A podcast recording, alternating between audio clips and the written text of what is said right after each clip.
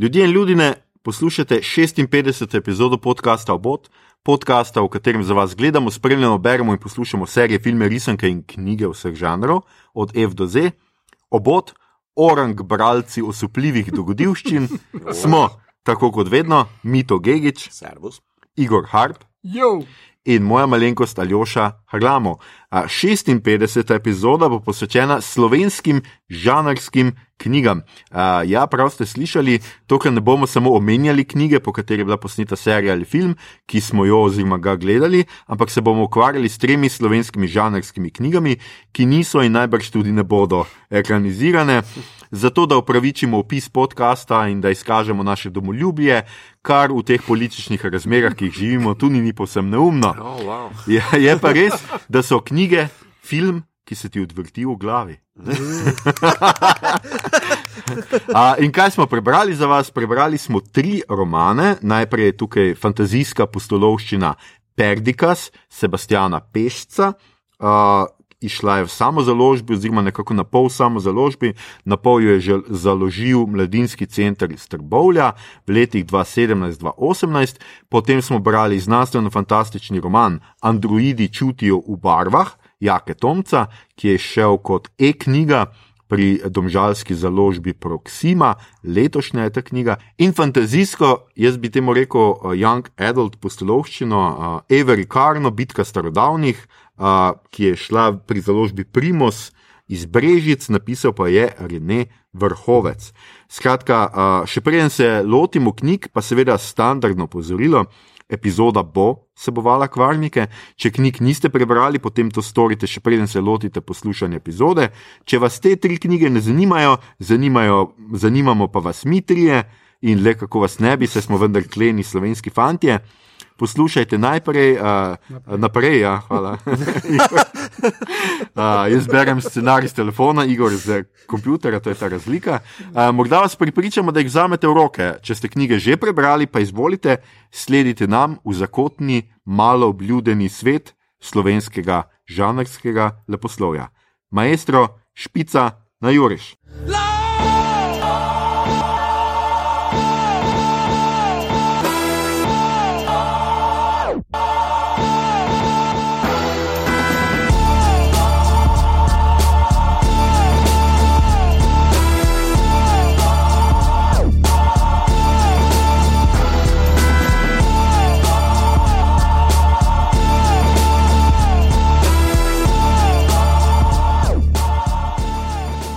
Uh, skratka, živijo, mi smo nazaj. Um, tole je, um, to nisem omenil v vodu, ne vem zakaj, m, da ne bo samo na koncu, da, da imate kakšno urco, da se lahko mi raz, razjokate. Tole je zadnja epizoda druge sezone. Prišli smo na konec druge sezone. A kdo verjel, da bomo imeli dve sezoni? Um, ja. ja, jaz Videla ste, verjela, pa videla ste tako zelo. Mm, Mislim, začeli smo to kot pivo, na katerem debatiramo o Ja. ja. sci-fi šitu, kar honestly, zakaj bi si tega naveličali? ja. okay. pač edino, kaj je tu razlika, je, da pač neka rdeča lučka z nekim črnim tičem, ko gleda tukaj. mene, No, no, no. Kakšne besede so zdaj? Ja, pa to že ta Blue Yeti, no, oziroma Black Yeti. Black, ja. ta je bolj black. Ja. Black Lives Matter. Tako, Black Yeti smeter. Ah, Lej, okay. mogli smo okay. zaslužiti v Ja. ja. alko. Ja, že ima ej, alke. Skratka, hvala, da ste nas nehali poslušati. Vsi, uh, Se opravičujem. tako. Uh, si, bomo poleti še mogoče kako specialko vodili, glih uh, danes, uh, ali včeraj je na Netflix prišla ena serija, ki uh -huh. se mi zdi kot nalaž za Ljošo in ja. sicer Warrior Nun. Nisem še pogledal nobene, ampak bom gledal ta vikend. Jaz sem mislil, da boš dark rekel, ampak. Ja, tudi Dark. Uh, in uh, mogoče celo kak film pride kdaj v kino, bomo videli. Ja, Dark je še z prejšnjega tedna, potem so Doom Patrol zunaj, ne, ta trenutek je tako. Jaz še nisem osvojil, ste videli, kaj Ne. spremljate. Doom Patrol ne, mislim, Dark sem en del v bodu, pa mogel sem sicer iti malo nazaj, ker pač Dark. Uh, Ja, to moraš- si refreshaš. Ja, pa že to je bilo Pa tako. imajo na začetku, ker Netflix včasih zelo vredno naredi tisto na začetku. in- Ja, ima en recap, Ja. uh, ampak je, uh, ker je Dark, je to zelo tako um, faktografsko. No? Uh, Ja. Um, tako da ne, škodi. No? Uh, ne škodi. No, skratka, eh, konec druge sezone, sicer zunaj je poletje, mi bomo šli malo, si bomo vzeli premor, ampak tako, kot je Igor rekel, najbrž se vrnemo s kakšnim specialom. knečemo pa vas bom povabil že na koncu. Skratka, en dogodek že imamo planiran avgusta. Zdaj pa uh, uh, se lotimo tega, kar imamo uh, pred sabo. Tokrat smo se odločili, da nobenega novega filma ni zunaj ta trenutek, serije smo, smo kar precej serij tudi imeli letos uh, v obdelavi. Zakaj ne enkrat knjige? Pa se smo dolžni. Ne? Ja. Tako Tako. smo risanke, pa anime, to, pa tudi kakšno igro moramo. Ne? Ja, tudi to bi mogoče, če bom vse jaz to- kar Uh, ne. sezona 15. Uh, Coming soon. Stay tuned. Uh, skratka, in smo se odločili, da bomo knjige, in ker se nam vseeno zdi tako, no, da bi bilo fino, da podpiram tudi slovensko žanrsko udejstvovanje, uh -huh. uh, smo se odločili, da bo to slovenske knjige. Zdaj pa jaz bi mogoče za začetek povedal, zakaj ravno te knjige. No. Uh, jaz sem Avery Karna, sem lani že dobil uh, v dar od avtorja Reneja Vrhovca, ki me je prosil, da če bo kdo od nas kaj prebral, pa da mu mogoče svetujemo, kaj, kakšen svet damo za naprej, no? ker je to pač prvi del, domnevam, da neke daljše um, sage. Um, Z Sebastianom Pescem sem jaz bil v kontaktu, preden je izdal tole knjigo, nekako ene stvari sem mu svetoval takrat. Uh, in sem si zato zapomnil, pa knjigo sem imel uh, po nekem, mislim, a sem jo celo dobil od njega v dar ali pa sem jo nekje staknil. Skratka, in sem zato se mi je zdelo zanimivo, kot pač nekaj, da imamo še eno fantasy. Uh, Jaka Tomc pa je tudi me kontaktiral pred kratkim in me pač opozoril na to svojo knjigo. No, in je tudi vprašal, pa, če bomo kadarkoli kaj takega delali. In zdaj, ko smo se zbrali, ko so tri knjige se tako nekako sestavljale, sem si rekel, zakaj pa ne, tri smo, tri knjige so in pač dajmo to. Uh, narediti.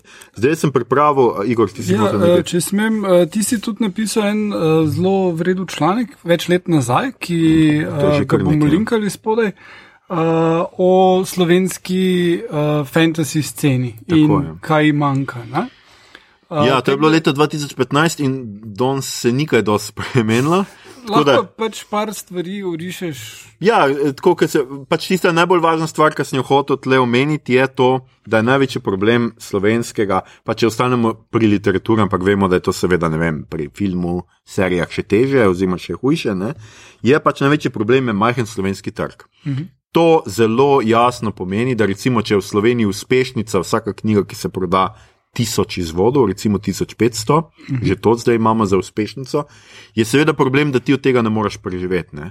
Um, skratka, prodati bi se moralo kar krepko čez 10 tisoč izvodov, da ti nekako dobiš, vsaj približno avtor dobi za vse njegovo delo, ki ga je imel za knjigo, da dobi nazaj nekaj. Ne. Uh -huh. Mi se moramo zavedati, da seveda potem, ko ti knjigarna pobere dost, določen odstotek, ko založba, seveda, če greš na založbo, pobere, pobere določen odstotek, avtorju ostane zelo malo in recimo tudi tudi Tadej Golob, recimo, ki se zdaj proda, v, mislim, da blizu, po moje, 20 tisoč ali pa vsaj po 15 tisoč uh -huh. izvodov uh, vsake njegove knjige, tudi on bi samo od prodaje zelo težko živel. ne. Um, in to jaz mislim, da je največji problem uh, slovenskega žanra. Uh, vse ostalo pa pol izvira iz tega. Ne. To pomeni, da založbe.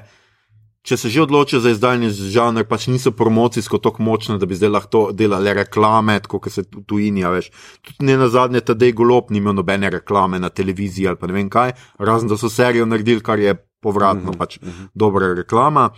Um, potem je seveda tudi že sam problem pisanja žanra tudi to, da slovenski subvencijski model, ki ga imamo mi za književnost, uh, žanrske avtore izloča. Skratka, jaz bom zelo dobro, mogoče za slovenski žanr, glede na to, da Tadej Golob tudi ga podpira subvencija, vsaj njegove prejšnje, zdaj za zadnjo ne vem.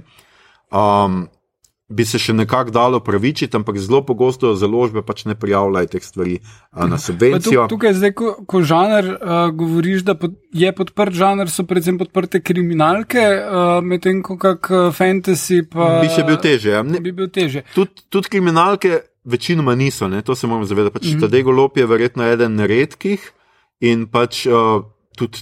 Teoretično bi lahko, zdaj upam, da tega ne, noben ne posluša tam, ampak teoretično pač tudi bi lahko jak ne rekel, ne? Oziroma, Ja. ker to pač jak, javna agencija za knjigo podpira umetniško literaturo, da tako rečemo, ali poslovje, ne, ne podpira žanra kot takega, še posebej komercialnega žanra, ki se kot da sam lahko prodaja. Ne? In imamo mi pač tudi totalen problem, ker recimo tudi v DSP imaš ti probleme, ti se težko prijaviš na štipendijo kot žanrski avtor. Ja. Ker pač pri nas, če si ti kvazi komercialni avtor, pač preživiš na trgu, ne? kot da ne bi preživel na trgu, ampak seveda se ne da preživeti uh, na trgu. Tako da so tudi glede tega prepuščeni samim sebi, potem pa še glede izdajne uh, založbe se precej utepajo. Vemo, da recimo. Jaz pač poznam, uh, kako kolegi iz mladinske knjige, vem, da imajo vel, velike probleme z žanrom. Proda se George Martin, proda se Tolkien, proda se J.K. Rowling, vse, kar je zunaj tega, se več ne proda. Ne. To je publika, ki večinoma bere že v angleščini. Uh -huh. In pač, ko ti prebereš to knjigo, zakaj bi ti to še enkrat bral pa v slovenščini? Pač, uh -huh. Ni tak motiv, ker v resnici ti bereš zaradi zgodbe, pa zaradi tega. In zelo malo, ne. Martin se proda zato, ker je predrl žanrske okvire, ampak to je šele serija naredila, ne. Ja, ja. da je naredila zanimanje in Ja, da no. so brali tudi drugi. Ne, Ampak zdaj. eh, tukaj je tudi zelo pomembna jezikovna komponenta. Recimo, najbolj, po mojem, najbolj prodajan žanrski roman s- v preveden v slovenščino je Štoparski vodnik. Mhm. In uh, a je tu bil trik v tem, da je prehi, prevod prehitel uh, izvirnik? Mogoče je tudi tako, da je v resnici humor malo teže razumeti, kot pa nek uh -huh. uh, zelo enostaven žanr. Vseeno moramo vedeti, da pač pri žanru je tudi tako, ne, niso to zdaj neka tudi tujini. Vsaj slogovno niso to tako zahtevna dela, ne? čeprav so, mm -hmm. seveda, tudi znotraj žanra, imaš ti blazne Ja, yeah. ja. odtenke, ne? ne rečem, ampak vsaj slogovno to niso tako zahtevna, tako da to lahko razume marsikdo. Ne? Recimo en dober fantasy, ki itak bolj dela na svojem jeziku, kot pa na angleščini včasih, ne? Ja. recimo, pač lahko vsak z neko. Z nekim malo boljšim, no kot osnovnim znanjem mm. angleščine, že razume. Ne? In dan danes, ki itak ljudje, pa slovenci smo vseeno kar dokaj dobro dvojezični. Mm. Uh, vseeno nimamo uh, toliko um, sinhronizacije, ne se konča pri risankah, vse filme že gledamo s podnapisi in tako. Ko je slovenci znamo kar dobro angliško, poleg tega smo zdaj res živimo v dobi, kjer se tudi na literaturo gleda tako kot na film, pa tako kot na um, musko in to zato zaenkrat literatura še nima odgovora dobrega in sicer, da ti ljudje hočejo, pač bralci zdaj hočejo tako imeti. Mhm. A veš, tako kot ti zdaj greš, pač si vajen, a veš, nov Marvelov film gledati istočasno z američani Ja. in noben ne bi bil več pri nas pripravljen čakati mesec dni, ja. Mhm. dva, ne, tako kot smo včasih. Ne. Mhm. A, tako pri književnosti se isto nam dogaja. Ne? Tako da to pomeni, mi smo vseeno premajhen trg, da bi nam včasih se založbe ne zmenijo za nas in pač ne dajo rokopisa, še preden ga izdajo. Ne? Mhm. In dobimo mi knjige šele, Ko a, izidejo. ko izidejo, takrat pa je že, a veš, to pa Pol leta pol. potem. Tako, pol pa rabiš pol leta, da to prevedeš. In ta čas že vsi preberejo v angleščini. ne. Tako To so ene take stvari, in pol imamo. In v resnici je tudi tako pri nas, ne, da mi tudi na literaturi, tudi neka kultura je zelo drugačna, a, ta kontinentalna, ker mi na a, pisanje še vedno gledamo kot na umetnost, kot na art. In to ti dejansko pomeni, da prvič avtori tudi niso tako vajeni delati z uredniki, puščati posegov v velikih posegov besedila in tako naprej. Obenem pa je tudi tako, um, a veš, tam imaš ti, lahko se učiš pisanja in se učiš tako res žanrskih, obrtniških spretnosti. Pri nas še vedno vse delavnice, ki jih imamo, so večinoma povezane s tem, da te učijo art pisanja, kako bi človek rekel. Ne, ja. ne učijo pa te, a veš, kako zgraditi lik. Kako uh, prepričljivo nekaj opisati, kako neko situacijo postaviti, kaj, kaj je to tempo. Uh -huh. recimo, ne? Ja, World building. Ja, world Ja. ja. building, recimo. To, Ja, to je pri fantasyju še posebej. Tako, ne? to smo šele, recimo, to zdaj na meji nevidnega, lani sem jaz sodeloval v enih takih delavnicah, ne, smo šele to zdaj in je bil obisk izjemen, tam se je gnetlo mm -hmm, ljudi, mm -hmm. ki so prišli točno to poslušati, ne, ker se mi je zdelo, in, uh, da imajo zelo malo teh priložnosti. Ne. In pri nas je to zelo malo, v resnici je pri nas res tako, pisanje je umetnost, ne, mm -hmm. ni, pa, ni pa to kot brd. Če smem pol vprašati, mislim, ali pa da grem korak dalje. Ja. da, gre, thanks. uh, da grem korak dalje od tega, ker uh, v članku. Uh, Ja. Ti, kar se mi zdi uh, kompetentno, pa super opišeš, uh, stanje, pa tudi 2015, pa mislim, da še kar drži. Ja. Uh, kaj bi bil recept za rešitev tega? Jaz mislim, M- Ne, veš kaj, e-knjige se pa tudi ne prodajajo tako, da je bilo. Jaz samo, veš, mislim, če smem malo tako Ja. ja. polemizirati, ne, da v bistvu, eh, rečemo, na meji nevidnega vsak keks, ki- pa kekčinja, ki noter uleti. Vsaka a, mojca in vsak Moj, kekec, hvala, ja, hvala. ja. Ja. Da kupi e-knjigo, pa nekako avtorju potem uh, lahko pomaga uh, uh, onkraj tiska, pa onkraj založniških variant, kao, da se žanr tako hrani.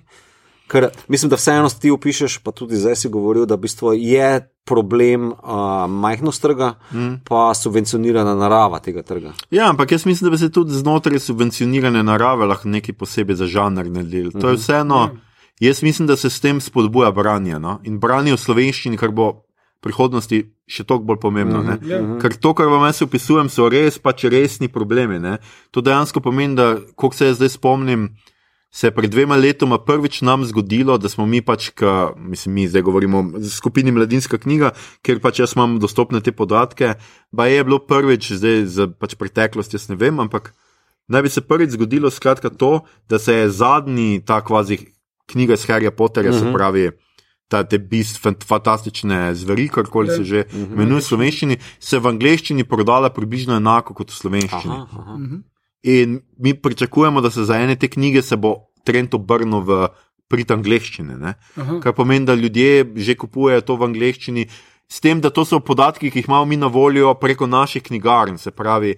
To je knjigarna konzorcij, verjetno ena redkih, pa Ja, mogoče pa še dve, tri, uh -huh. pa v Mariboru, da imaš angliške knjige. Ne? Ja, Ostale ja. nimajo niti, da poslovejo v angleščini. Kaj še le prek Amazona, ki mi nimamo nobenih podatkov? Ne? Ja. Ti nimaš nobenih podatkov za Slovenijo, za Amazon. Mislim, jaz velika večina knjig, ki jih kupim, jih kupim kot e-knjige na. Amazonu, uh, fizične knjige pa kupim v slovenskih knjigarnah, ali pa spletnih, ali pa fizičnih. Ja, Ja, ja. no. Mislim, jaz moram tudi dodati uh, book depository. No. Pa Ja, Book Depository, ja, Mislim, jaz tudi, ampak tam dost manj kupujem. Tam kupujem samo So Vse Akira, naprimer, sem zdaj tam kupil, No, pa ja. fotoknige. naprimer. Eh, strip- Ja, glej, te Book stvari Depositor pa je vsekakor, med eh, karanteno se na veliko oglaševal v Ljubljani, ne vem, če ste Ja, ja, opazili. seveda Ampak smo. poleg SDS-a je bila edina, edina reklama med eh, karanteno, ki so na novo lepili, je bil Book Depositor.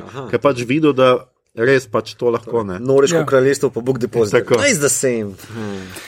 Book Depository je Amazonova podružnica, drugače. tako da, ja. Tako da ja, jaz mislim, da bo tr- treba znotraj subvencijskega sistema tudi najti nek tak sistem, s tem, da pač je tudi tako. Ne, Ja, ne, meni se tukaj zdi feler uh, Jakove perspektive. Ja, art je pomembna, umetnost je pomembna. Mm -hmm. Ampak uh, to, kar dober fantasy naredi za uh, spodbujanje besednega zaklada, lahko, mm -hmm. je pa bistveno večje. Ker tudi, glej, razumem, da, da knjige, nekatere knjige, recimo pesniške zbirke, pa uh, uh, tudi te bolj umetniške knjige, ki morajo biti subvencionirane, zato ker jih ne bo dovolj ljudi kupilo, ampak bodo pa dostopne. Forever preko knjižnic in, in drugih kanalov, mm. ljudem, ki jih bodo inspirirali, in tako dalje. In, um, uh, tudi pri filmu tako velja, da, da vsak umetniški film uh, mogoče bo videlo ga v kinu, ne vem, tisoč ljudi, ampak od teh tisočih ljudi, ki bojo videli, bo pa velik odstotek šel delati filme mm. ali pa kaj podobnega umetniško se izražati in bo vplivalo na njihovo delo. Ne? Uh, ne vem, mislim, da za Velvet Underground velja, da so prodali zelo malo plošč, ampak vsi, ki so jih kupili, so pol začeli svoje bende. ne. Ja, ja. Uh, in, no, in mislim, da je pomembno zato, da se subvencionira uh, uh, taka literatura, zato ker ustvarja pač potencijalne Velvet Underground, ampak uh, menim pa, da če bi se subvencioniral fantasy, pa sci-fi, še bolj, uh, pa lahko prideš do tega, da jezik. Razviješ in spodbudiš uporabo jezika. Uh -huh. Ker mi se mogoče ne zavedamo, ampak jaz sem dolgo leta delal, ne tako dolgo, kar eno par let sem delal za revijo Monitor. Uh -huh. In revija Monitor je eden uh, pomembnih razlogov, zakaj imamo mi celotno uh, jezikovno, uh, pač za. za IT terminologijo v slovenščini, zato ker je samo Kuščar, uh, urednik te uh, uh, revije dolgoletni in pač samo svoj človek, rečemo temu, uh, ustrajal na tem in je bil dosti podkovan uh, skupaj z, z lektorco, sta dosti razvila jezik, ki se je potem mhm. prišel v uporabo in so ga uporabljali potem tudi v Microsoftu, ko so uh, Windows sedali v slovenščini in Office in so ga uporabljali potem v vladni službi, ko so prevajali EU zakonodajo. Mhm. In uh, če primerjamo to recimo s Hrvaško, uh, kjer njihova revija računalniška se imenuje Bug in to, ko bereš, deluje zelo neresno. Ni enega, samo angliški izrazi so z njihovimi mhm, črkami mhm. napisani in imaš od printerov do uh, vsega ostalega. Ne? In um, se mi zdi dosti pomembno, da to je v slovenščini in ne moramo pa računati na take prebliske, kot je obstoj revije Monitor. Uh, ker je ena, en trend bil, ki v ekonomiji je dosti bolj očiten, ker se je full teh izrazov od menedžerja do tak dalje, kar uh, uh, angliške. Anglizme uporabljalo, uh -huh, ker uh -huh. ni bilo nujno potrebe potem. Uh -huh. uh, Jaz bi tukaj, če smem, dodal. Ja. Um, Jaz vem, da je Joker ful dobro pisal, oziroma imel recenzije ne, um, za, za fantasy, za knjige. Pa, mm -hmm. um, eno od redkih, vse, kar se jih jaz spomnim, ker sem bil naročen na njega. Uh, bi pa dodal tukaj na to, ta jezikovna podstat, ki je ful pomembna, nasploh, da kaj tak jezik ti omogoča še le misel. Mm -hmm. um, um, je ta eskapistični moment fantasy, torej mm -hmm. fantastične umetnosti. Ne? In uh, če ti nimaš. Uh, eskapistične umetnosti, ki ti omogoča znotraj tvojega jezikovnega okvirja, kao rečemo temu koherenten okvir, imaš, mm -hmm. si podrejen vplivom drugih jezikovnih okvirov. Ja. In tu se mi zdi, da pri teh treh avtorjih, ki jih bomo danes omenili, se to deloma pozna. Ja. A, pa ravno na teh treh avtorjih lahko potem tudi omenimo, da koliko je to pomembno, da imaš ti nekega suverenega prevajalca ali pa jezikovno strukturo, ki ti ta eskapizem omogoča, ker pač vseeno, lej, živimo v zdaj sem uporabil anglizem, ampak fakt tak pcajtih, uh, ki uh, pogojuje eskapizem. No. Veš ga. Lucamo to. No. Ja, no, Fantasy je za to namenjen. Ne govorim, zakaj, da pobegnemo v neki virtualni šit, ampak veš, da ne, pomaga. Ne, ne, se, se pomaga. pomaga. ja, gledaj, se, problem je, veš, sej, ampak ravno zaradi tega, ne, tle cel. Um, Tle se res dogaja, da je žanr en je potisnjen na ro, rob. Ne. To tudi pomeni, recimo, zelo konkretno, da um, založba ne more recimo, prijaviti bo, Boštjana Gorenca pižamo za sovretovo nagrado. Uh mhm. -huh. Zato, ker bo, Boštjan Gorenc pižama prodaja, uh, pač prevaja komercialno literaturo, uh mhm. -huh. prevaja žanr. Uh mhm. -huh. In to se preprosto pri nas premalo ceni. Čeprav Dajmo si priznati, en George Martin, recimo, je včasih dosti teže ga prevesti, mm -hmm. kot pa ne vem, Virginijo Woolf, bom zdaj rekel, zelo mhm. grdo, ampak mm -hmm. recimo, mm -hmm. pač točno to se dogaja. Ne? Dogaja se ti, da se to preprosto ne ceni. Ne? Mm -hmm. In tudi, recimo, pač neke notranje informacije, ki lahko povem, mladinska knjiga, ki je lani prijavila nek uh, fantasy, uh, pač ravno za subvencijo, je zaradi tega izgubila par mest mm -hmm. za subvencijskih, ker so jim pač rekli, da to ni vrhunska literatura. Čeprav je ravno to problem, ne? ker to, ni, to vseeno ni literatura, ki bi se dalo kar tako včasih prevesti. Ker seveda ja. slovenščino. Urednica in vsi mm -hmm. se mhm, pač trudimo, mm -hmm. da se prebere the best of the best. Ne, mm -hmm. ne prevajamo mi vsake neumnosti, ki izide tam zunaj, ampak se prevaja najboljši primer. In tukaj pač imaš velike probleme. Ja, ampak uh, znotraj tega. Ta skoglednost na žanr, ne, prav, ta pojem žanr, se ja. mi zdi, da je kar problem pri nas. Mislim, ja. če tudi karikiram. Naprimer, Christopher Nolan je žanrski umetnik. Je, ne? Ja, ne. Ja, mislim, ja, od Batmana do Teneta, ki prihaja ven. Ja, ja. Uh, do... Memento ni bil žanrski. Dobro, čist, okay. Mislim, je bil ja, je uporabil žanr, ampak je bil. A veš, uh, Inception, scene. Batman, uh, Interstellar, to so žanrski izdelki. Ampak, lej, lej, lej. Point moj je, da v bistvu kao žanr ni šunt, žanr je lahko, full, ja. full, full več, pa full globi, pa full. Ja, plus... Mogoče je to problem pri nekem splošnem branju. Ne? Ja, je, pri nas se pač ne dela razlika med tem. Pač to je tudi dolga. Uh. Dolga pač histor, his, zgodovina pač tega malo mizaničevanja žanra. Ja, ja, ampak mislim, da tukaj ne moreš zdaj čist reči Slovenija slaba glede tega, uh, ker uh, tudi kot je uh, pižama razlagal, mislim, da um, pre, nemški, mislim, da nizozemski prevodi prečeta, ki je zelo mhm. uveljavljen. Uh -huh. uh, so imeli not oglase za neko pivo ali karkoli, v glavnem, da so tam škrati nekaj pili in so pili neko določeno pivo, ker je tista pivovarna sponzorirala uh, knjigo, prevod knjige, ker je tudi tam bilo težko. Ja, to se, to, je, to je ne? precej kontinentalen pojav. Ja. Ja. To je precej ja. naš evropski, ker imamo mi visok nos na tem. Uh -huh. pač v Ameriki pač imaš ti drugo, kjer je pa skoraj da vse komercialno. Ne? Tam se ti pa že tudi ti veliki. Veliki pisatelji so ti, pa zvezde, ne? pa imajo čist nek drug. Ja, samo ta sistem, posledica ne. trga. Ne? Mislim, Ja, ja, posledice pa njihovega trga, ne? ker ta pač pomeni, da je tudi velik. Ja, gledaj, le pač mi bomo to težko rešili. No? Skratka, ampak ja. sem, ja. je pa res pač tako, kar se ti pol dogaja na vseh teh sistemov, ja. ker je to tako siromašeno, je pač to, kar bomo mogoče tudi danes. Nekajkrat omenili, pač avtor je precej prepuščen samemu sebi. Uh -huh. To so ne na zadnje, pa če bom pač odkrito povedal, tudi te tri knjige, ki jih mi danes obravnavamo, tudi te založbe, ki so, to so založbe posebej, um, založba, pri kateri je išel tale um, Rene Vrhovec, recimo, uh, to so založbe, ki ponujajo nekakšen podpor, nekakšno podporo avtorju. Niso pa to založbe v klasičnem pomenu, da imajo uredniški tim, ki bi res ja. delal z avtorjem in ne vem kaj. Tako da to so vse na pol Ja. ja. samo založbe. Ko to, sem jaz bral temu, je to kot neka, mislim, z likovnega, vizualnega področja. Vem, da je to uh, ven, ala Vanity Fair, kao. ti se prijaviš, malo plačaš, Ja. ja. pa ti oni z neko infrastrukturo, logistiko malo pomagajo, Ja, ja, ja. ja. ampak ni to polno. Ne, ne, ne, oni ti samo pomagajo tako, da ne piše samo založba noter. ja. In da ti lahko rečeš, izdal sem pri založbi, ja, ja. v resnici pa, ja, tako kot si rekel, večinoma se še zgodi, da še avtor nekaj plača. Ja. Ali pa se pač ponavadi tako dogovorijo, da pač založba pokrije, dokler založba ne pokrije stroškov, avtor ne dobi niti centa. Ne? In z- založba pokrije stroške s knjižnicami. To se produ, potrudi, da knjižnico proda, potem pa je v resnici zelo malo mar, ne, kaj bo. Sam da ona vrne stroške, pa da tako. Tako da No, to. mislim, uh, kar se tiče te uh, proksime, vem, da sem zasledil, da Jakatonc dejansko dela tam, oziroma dela z njimi, da je pomagal jim spletno stran narediti. Ja. tako Da, uh, Tako da, ja, v končni fazi je avtor pač le od naslovnice do vsega, do marketinga, vse je prepuščen sebi. ne. Um, zdaj bom, jaz sem hotel mogoče sem na hitro eno zgodovino, hitro. Slovenski uh, fantazijsko, pač fantazijski del, fantasy del.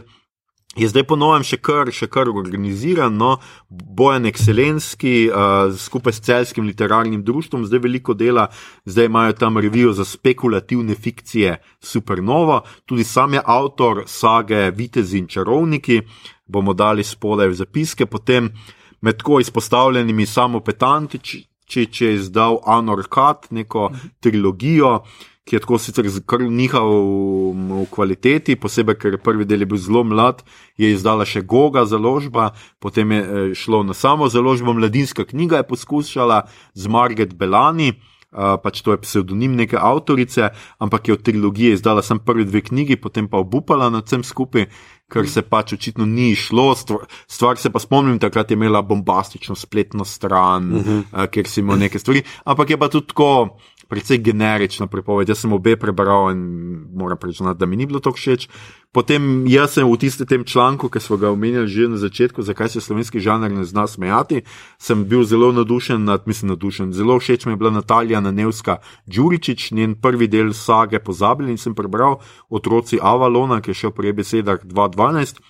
Naslednjega 314 že nisem nikjer uspel dobiti, išel je pri neki založbi PH Red, o kateri ne vem nič, 214. Imamo pa zadnje čase, zdaj le si mogoče bom med do- dopustom uspel prebrati. Imamo pa recimo avtorico Gaja Jakos, mm -hmm. ki pa je mlada punca, ki pa piše v angleščini in objavlja na Amazonu svoje Aha. stvari in je znotraj nekega svojega mikrožanrčkega, žanrčka urban fantasy romance, neki, uh -huh. je celo med bestsellerji. Kao. Uh, Zdaj, uh. seveda, kaj to pomeni. Ne pomeni, da je dosti, no, ampak, skratka, um, ampak ja, tako, pač z- z- zanimivo sem rekel že večkrat, da bom skušal prebrati in da vidim. No, pri znanstveni fantastiki imamo mi daljšo neko obdobje, a, sicer za prvo znanstveno fantastično novelo, oziroma kratko zgodbo, kakorkoli že, velja Mikromega iz leta 1851, wow. ki jo je napisal Simon Jenko, ki je šla v diaškem glasilu Slavija in sicer se začne takole, bom prebral začetek. Imate jo, imate jo na Wikipediji, celo, mislim na Wikiviru. V planetu Sireju je prebival ob času mlad in bistroumen človek po imenu Mikromega. Spoznal sem ga, ko je poslednjič po zemlji koračeval. Menim, ne bom se dosti zlagal, ako povem, kako da je bil velik. Kakor mi računci povedo, je bil čez 8 mil visok. Ker je pa tolikan visok bil, bi obrazari ne dvomili, da je njegov pas 50 čevljev na okroglo meril. Skratka, ampak to je tako, precej nebogljena stvarca, pač tam nek uh, ta uh, mikromega. Uh, Piše nekaj, se zanima za naravoslovje na svojem domačem planetu Sireju in v neki uh, naravoslovnem članku o golazni, ko piše, pač vtika noter neke demokratične tendence, zaradi česar kralj tistega Sireja pač uh, vrže iz planeta za 800 let in on potuje in medtem pride na Zemljo, kjer sploh ne sreča pripovedovalca, tako kot on omenja, ampak prej gre domov. Jaz ne vem, pač, kaj se vidi, da te Simon Jenko tega tudi ni najbolj premislil. No, da, ja. Ja, no, ampak mislim, da časovno, kdaj je to nastalo, je pa. Ja, tako hardcore. Ja, Ja, je pa res, da je to tako, tako to je treba zelo zdravo mero. 50 ker- let pred Valsom. Ja, a veš, to, v tem ni nič znanstveno. To je fantastično, ni pa znanstveno fantastično. Sam- kot, da, ja, eh, da nekdo pride ja. z drugih planetov, ampak v resnici pride, pač tako dobesedno peš, da rečem, razumem. Ja, pač, ja, ja. Nima letalske uh, ladje, vesoljska, ne vem kaj. Ja, vem, so takrat so še verjeli, da je nad nebom eterno. No, dobro, to je tudi res. Ja. No, Flat Eartherji isto, še vedno za največjo slovensko pač, uh, žanrsko klasiko znanstvene fantastike velja 1961. napisan oziroma izdan uh, Dreček in trije Mar Marsovčki Vida Pečjaka. Potem uh, zelo med takimi omembe vrednimi so Franz Puncer, jaz se spomnim njegove zgodbe Opna iz 1995, romana, ki je mislim, da je še eden boljših slovenskih znanstvenih fantastičnih romanov, pa Miha Remec, ki je bil zelo plodovit avtor. Uh, zelo znan po, kaj je že bila Ixi ali slovo živo strojnega človeka, pa um, Ixion ali Bek iz prikazovalnice, ampak v resnici jaz sem njega ene par stvari prebral, pa mi nikoli ni bil všeč. Uh, in pa Bojan Meserko, no je bil potem v 80-ih, 90-ih, pa v začetku 2000 zelo, zelo znan in to je bolj ali manj to. Ne? V resnici je slovenski fantastika in znanstvena fantastika zelo, zelo nebogljeno. Uh, mislim, uh, omeniti velja še Blodnjak. Aha, seveda. Ja. Uh, znanstvene fantastike, kar je bil neke vrste fanzin, I guess, Fanzin je bil, ja, v nekaj 90-ih potem par uh, knjižnih izdaj tudi izšlo. Tako, tudi založba je bila nekaj časa, ki smo imeli Ja, Blodnjak in je ja, izdala eh, kar velik, uh, zelo dobri, samo zelo slabo prevedeni Ja. del. Ja. Uh, zelo optimistično. So se lotili stvari, ampak niso potem Ja. iz, izvedli. Ampak tiste blodnjake vem, da sem bral in občasno je bila kakšna zadeva še kar zanimiva. Je pa to bilo vseeno nekaj zgolj, kjer je bil začetek tega, kar bi moralo bolj se razviti. Ne? Ja, Tako ja. pač ne vem, Mhm. uh -huh. te Asimov, kaj že bil on Amazing Stories. Mhm. ali kakorkoli se je imenovala revija, ki jo oni izdajo, nekaj takega.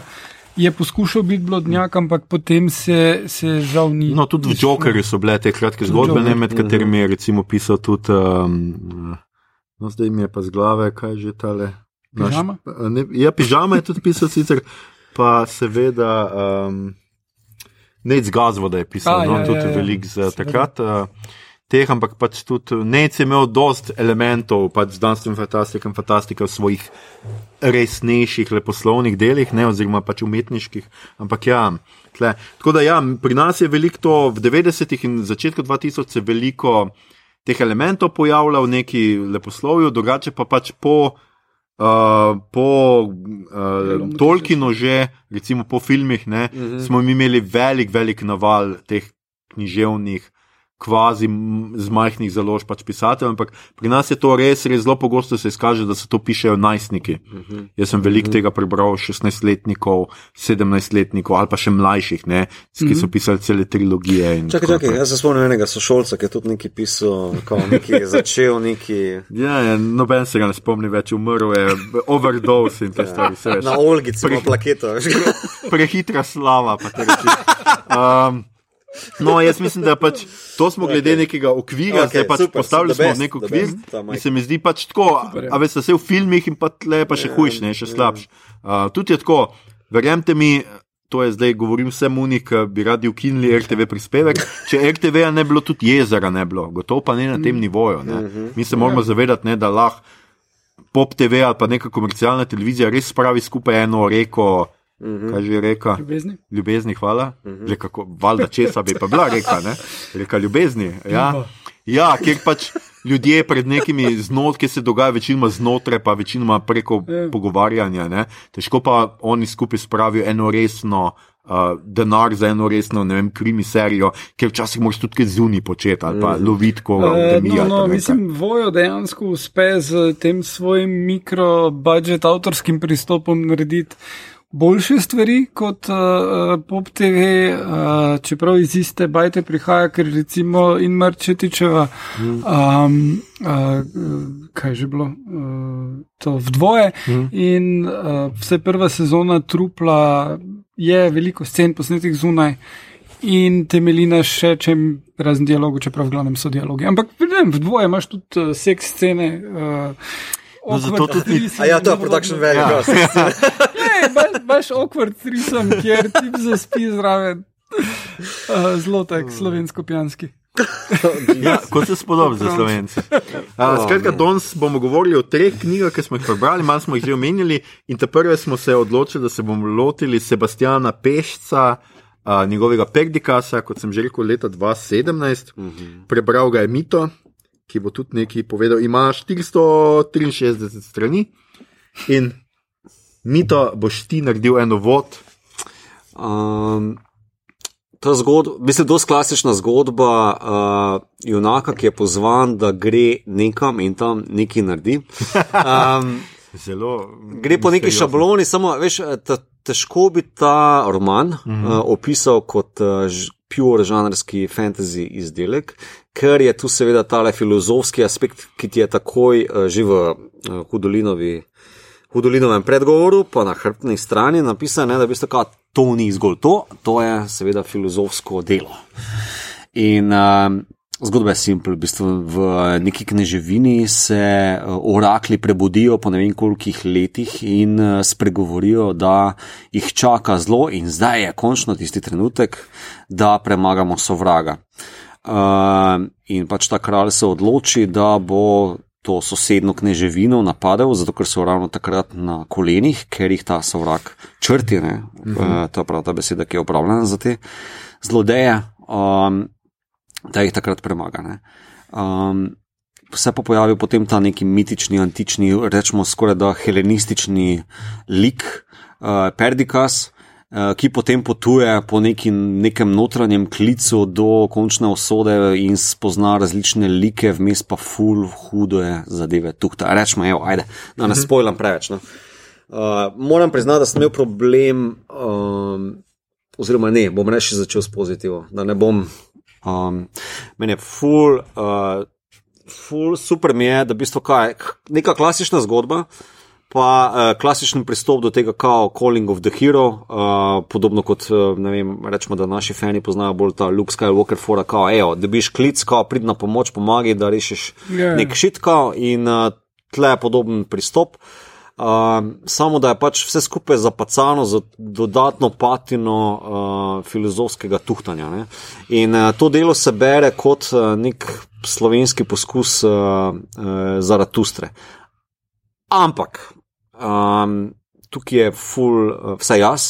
Pa moram priznati, da sem dosti manj načiten kot vidva, ker sta bolj litera, iz literarnih vod. Uh, imam full več problemov v slogu. No? Uh, meni je slog napihnen, um, napumba kot nek balon brez neke patine. Um, Um, lik nimajo imen, ker so pač tam le kot statisti. Uh, vse, kar je pomembno tukaj, je v bistvu tisti mesič, uh, ki ga skuša ta perdikas, medtem ko se utaplja, ali, ali tisti monolog, ki ga ima v sebi, ko se pogovarja s pastirjem. Pa, mislim, take um, nastavljene zadeve, ki so po enih, rečemo, dveh, treh poglavjih že, že zelo dolgočasne, pa utrujajoče. Uh, pa, ajde, če bi bil še vsej slog ali pa besedni zaklad na nivoju bi bilo to še nekako prebavljivo.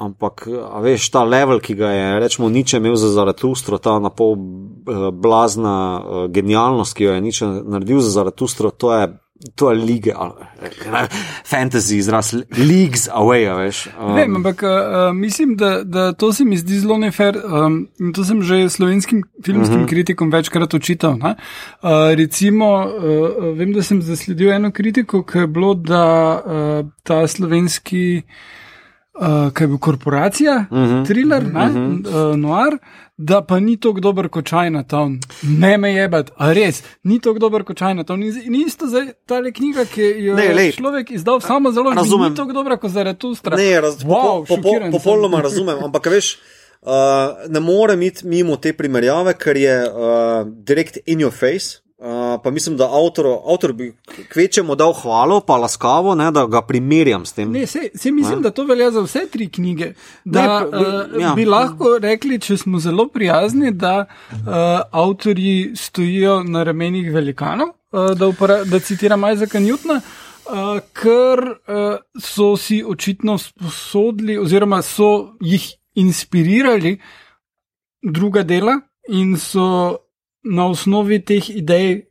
Probali zgraditi svojo, pri čemer pa mislim, to po mojem velja za vse tri, niso šli dovolj daleč od tega, kar okay. Jih je inspiriralo, in uh, so bolj na koncu koncev imitirali, kot so si sami zadali idejo.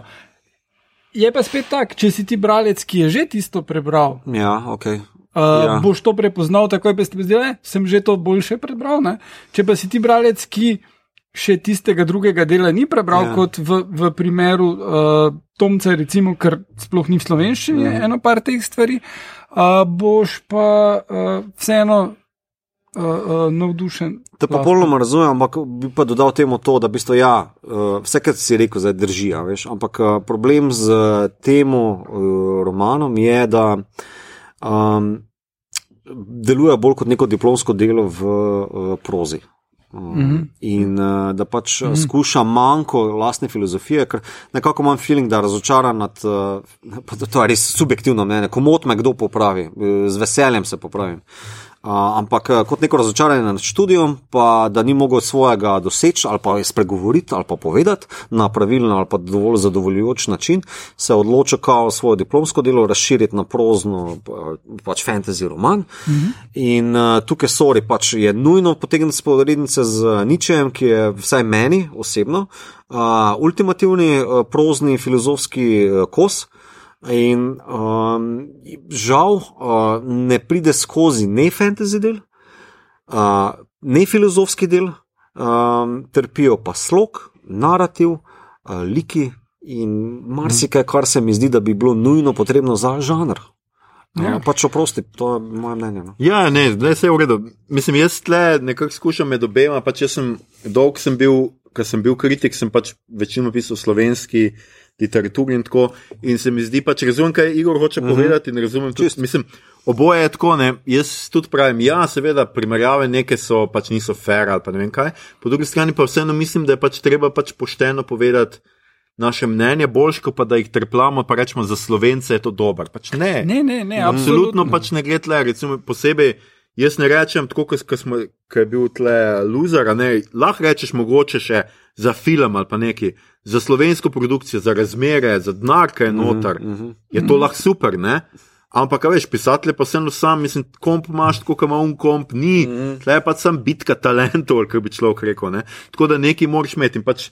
Jaz se spomnim, jaz ga zdaj nisem na novo bral, Perdikasa, ampak jaz sem ga bral predtem, ko mi ga avtor poslal nekakšno oceno, da bi jaz mu pač povedal svoje mnenje. In jaz sem mu povedal svoje mnenje, ker mislim, da bolj ali manj isto takrat, kot je bilo zdaj. Pač problem, ki ga ima, je tako, kot si ti rekel. Ne? Tle je pač neka filozofska misel, ki uh, je podrejena celotna zgodba. In uh, tudi podrejeno je miselni sestav junaka, podrejeno je karakter junaka, ker ta junak pač tuhta v teh rečeh, tudi na, včasih na mestih, kjer ni, Ja. ja. ni nobene potrebe za Ja. ja. tuhtanjem, ker to ne paše noter. Problem je tudi to, da. Um, Pač stvar izpade zelo tako klišejska na, na nekaterih rečeh, in tudi ta filozofija ni zdaj neko novo odkritje. Ne? Pač mm -hmm. Problem je, ker so to pač stvari, ki so v resnici bi se dale skozi zgodbo povedati, ne da bi bilo mm -hmm. treba še moralko prižgati, mm -hmm. pa pač reči, in zdaj se je pa junak zamislil nad tem, da pa. Do, vsako zlo, vsa, malo zla je vedno tudi v dobrem, in malo dobrega je vedno tudi v zlo. Mm -hmm. okay. To Ja. smo slišali že milijonkrat. ne. Pa če bi George Martin znal to napisati, mm -hmm. kot štore, sploh ne rabi tega povedati. Mm -hmm. In to je mal problem eh, Perdikasa ne, in tega pač romana. Da, in jaz moram pač vseeno reči, da med temi tremi, ki jih imamo, je vendar je to, mislim, najslabši. Tudi Ne, zaradi tudi- tega, ker pač res ni v fokusu ta žanrska Ja. zgodba. Pač jaz verjamem, da je on hotel to neko filozofijo pač spraviti skozi, sem pač ja, pol pač žanr tudi zaradi tega trpi. Sej, uh, mislim, uh, jaz sem prej zagovarjal to knjigo, in, uh, ampak moram reči, da meni osebno je glih zaradi tega sloga in ideje, ki pre, prevaga zgodbo in like, me spominjal na um, sovjetski sci-fi, ki sem uh -huh, ga bral, uh -huh. kjer je bila ideologija v spredju in um, um, zaradi tega, mislim, tak, meni že tako. Fantasy je manj zanimiv žanr kot sci-fi. Mm -hmm. In uh, se moram malo bolj potruditi, da not padem, uh, oziroma mora biti zadeva dosti bolj spisana. Sci-fi lahko berem zelo za nič sci-fi. Uh, Lepo, da si to povedal. uh, no, ampak tule uh, me, me ta knjiga prav ni pritegnila. Me pa zanima, vidva, ker ste jo. In je nisem dokončal, uh, ker ste jo brala bolj, a komu bi priporočali? Kakemu bralcu? Jaz, lej, jaz priporočam to knjigo uh, že kot um, um, v, eni določeni liniji slovenskega fantazija. Uh, ni je za odkloniti, ni je za ne prebrati, ampak uh, ne bom pa zdaj rekel, da to meni bil vrhunc. Uh, pa imam predvsem jaz, uh, ki sem žrtev slovenskega trga, uh, da sem bil res orang posegal po angliških fantasy knjigah. Naprimer, um, Jaz sem še vedno pri osmi knjigi uh, Book of Malazan, ne? to je ena res epskih serij, vsak. Mm um, in naprimer ta lik noter mene ful spominja na Karsa Ullonga, kao en lik noter, ki je taki full hud BDS, ampak on ni filozof. Ne? Ampak ne pa na nek način spominja na to, da bi rekel, wow, to je slovenski Karsa Ullong, naprimer, zopet da preko mm -hmm. analogije delam ali pa primerjave. Mm -hmm. um, da, a veš, ne, če te to zanima, vzemi si jo, preberi si jo. Le, jaz vsekakor priporočam, da si folk to prebere, s tem, da bi full rezerve vzel v ali pomevanju. Pa razumevanju, pa vidite, dosti boljših stvari je tam zunaj. Predvsem bi pa mogoče avtorju rad to povedal, da nadaljuj, uh, pa se predvsem odloči, kaj želiš početi. Ali uh, filozofiraj, Eh, ali pa piši fantasy, proper fantasy, ker v fantasyju, tako kot v rečemo, Mistborn trilogiji ali pa v Malazanu, lahko preko likov eh, točno isto filozofijo izražaš, pa preko dialogov ali pa njihovih dejanj. Ja. In mislim, da je to dosti boljši način. Ja, manj eksplicitno, pač pa drugače imaš Ja. tudi Terry Goodkind. Ja. Terry Goodkind ima vsaka, vsaka knjiga je nek poanta. Pač imaš, jaz se spomnim, da mislim, da je The Blood of the Fault ne me držati za, mislim, da ni. Ne, zdaj, ki sem rekel, že mislim, da ni. Skratka, v enem delu pač pride on v neko kraljestvo, kjer ljudje živijo pacifistično. In pač ne, oni se ne bojo, pač oni bojo prišli, pa jih bojo klali, pa kaj, oni ne bojo se njim z nasiljem uprli. In on skuša pač njih več cajt jim pokazati, in na koncu jim seveda dokaže, da pač, če bojo se oni ne bojo uprli, pa s tem tudi ne bojo nič naredili in da si ti neko to svojo. Um, Antifašizem, rečemo, mm -hmm, tako lahko ti mm -hmm. samo z konkretnim aktivnim bojem mm -hmm. proti fašizmu ohraniš. Ne moreš mm -hmm. pa ti reči, zdaj bom pa vse pustil, da mi vse delajo, kar bom. Mm -hmm. Tako, mm -hmm. tako da, ja, jaz bi rekel, da mogoče za tiste, ki mi je Terry Goodkind všeč, a pa komu, ki mi je bolj filozofija bliže, kot pa fantasy v Ja. resnici. ne. A, to je tako, kot una, kaj je že una knjiga, a se spomnite. Neki Zofijin svet, a sta brala, kdaj je Zofijin svet? Tle so noter, recimo, to je vsako poglavje razlaga neke filozofske osnove. Ja. In to je recimo knjiga, ki je super za vsakega, ki bi se res spoznal s filozofijo. In tudi tukaj jaz mislim, da pač nekaj za tam nemško romantično filozofijo ali pa nekaj tam okrog do Ničeja, recimo je to bi bilo čisto ok, no, da preberejo. Ja, da beste, Ja. ja. boljše si rekel. Pa tudi tako je, a veš. Za začetek, recimo, če še nikoli niste brali fantasy, mogoče se da tudi to eh, čist v redu za prebrati, da ni to, a veš, malo je tudi odvisno od tega, vseeno mi dva, ki res beremo, ker smo prebrali več fantasy, imamo mogoče malo tudi tako pač zelo striktno tudi podobo tega, kaj se vse, pa kaj je vse možno v tem žanru. Ne? Ja, mislim, se ne, ne bom zdaj rekel, da sem za tu nek purist uh, ali kaj takega. Z veseljem pozdravljam uh, predvsem slovenske uh, poskuse uh, do tega, ker vemo, kako redki pa dragoceni so. Tako, Ja. tako da. No, in zdaj Igor, ki nima rad uh, toliko fantazije, sem mu jaz zrihtal, da bo on imel uh, znanstveno fantastiko. In Igor nam bo predstavil, se pravi, roman Jake Tomca, Androidi čutijo v barvah, ki je zaenkrat samo še na voljo v e-obliki. Ja. Uh, torej, uh, roman je uh, ZF zgodba uh, postavljena v prihodnost, kjer uh, imamo androide, kot je iz naslova mogoče sklepati, ki so enaki kot ljudje in uh, imajo vgrajene zakone, ki so uh, Asimov, povzeti po Asimovu. Uh, da pač ne smejo škoditi človeku, in tako dalje. In potem se vseeno zgodi umor, in kako to razrešiti, in uh, tukaj potem vzame avtor uh, pristop tega um, zatiranja manjšin, fašističnega, fašistoidnega uh -huh. odziva uh, politike uh, in tudi. Um, Je eden od teh glavnih politikov, je tudi eden od glavnih likov, tako da dobimo še iz njegove perspektive, uh, kjer uh, sam sebi cel cel upravičuje, da je to treba narediti, vidi to kot neko svoje poslanstvo, uh, čeprav uh, ima uh, neko siri, uh, recimo temu, ki, ki mu organizira cel life. Mm.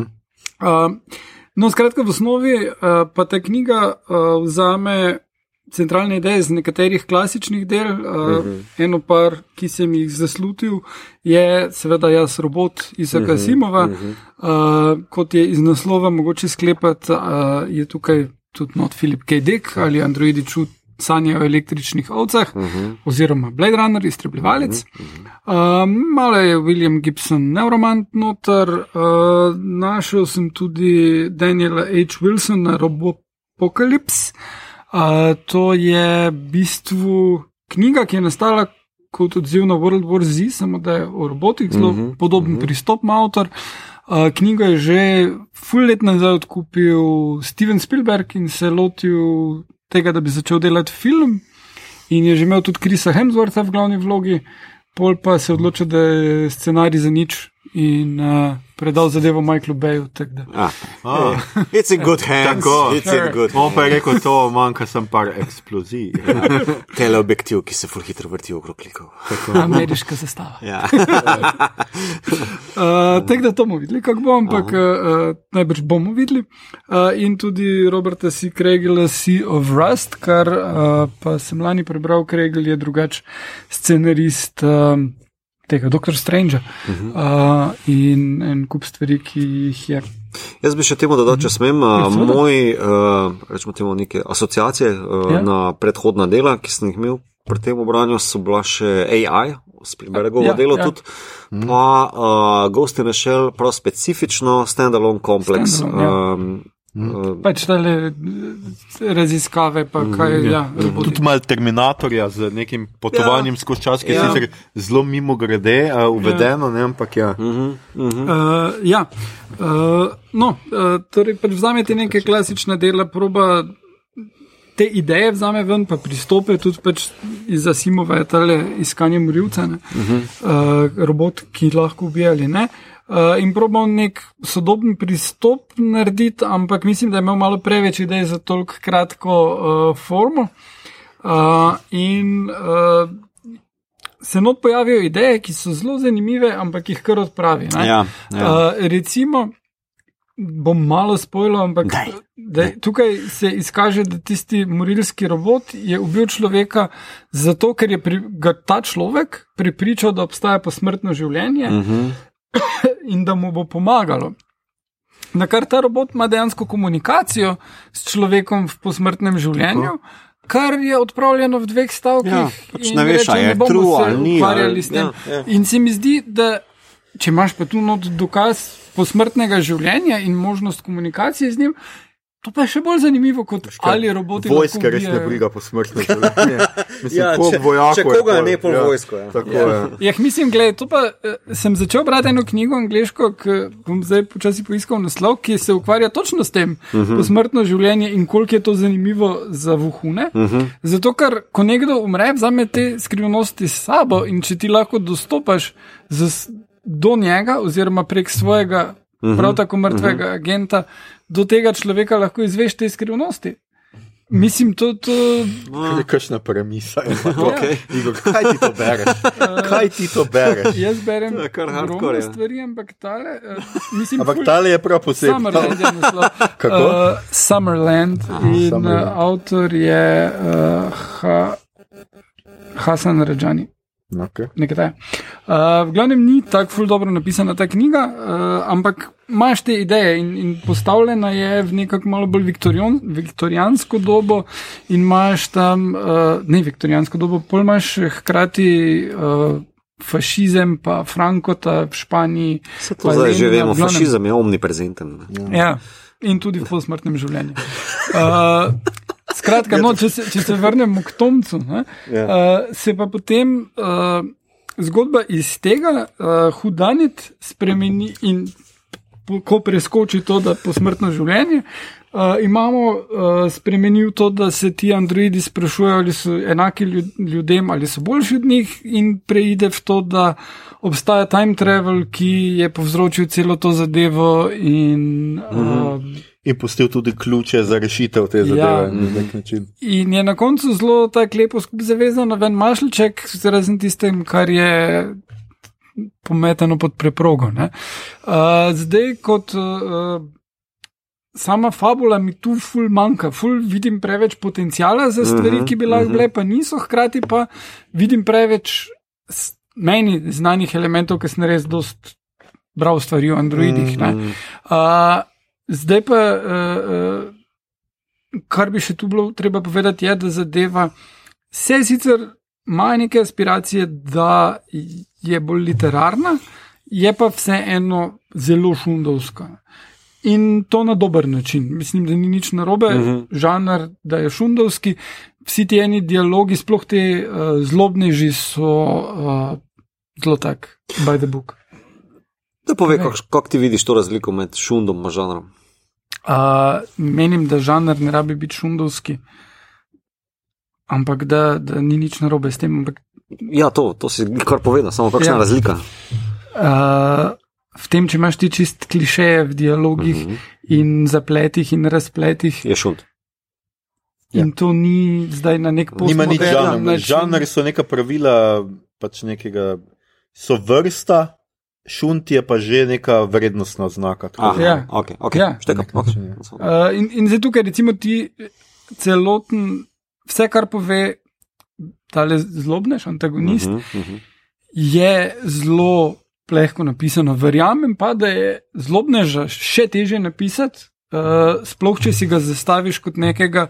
Uh, populističnega politika, ki jih imamo dan danes toliko, da če bi uporabil dejansko Trumpove citate tu noter, bi izpadli pompozno. Še slabše. Uh, zdaj probati narediti nekaj podobnega ne? in, in celo dati not človeka, ki verjame v to, kar govori, za razliko mm -hmm. od Trumpa ne?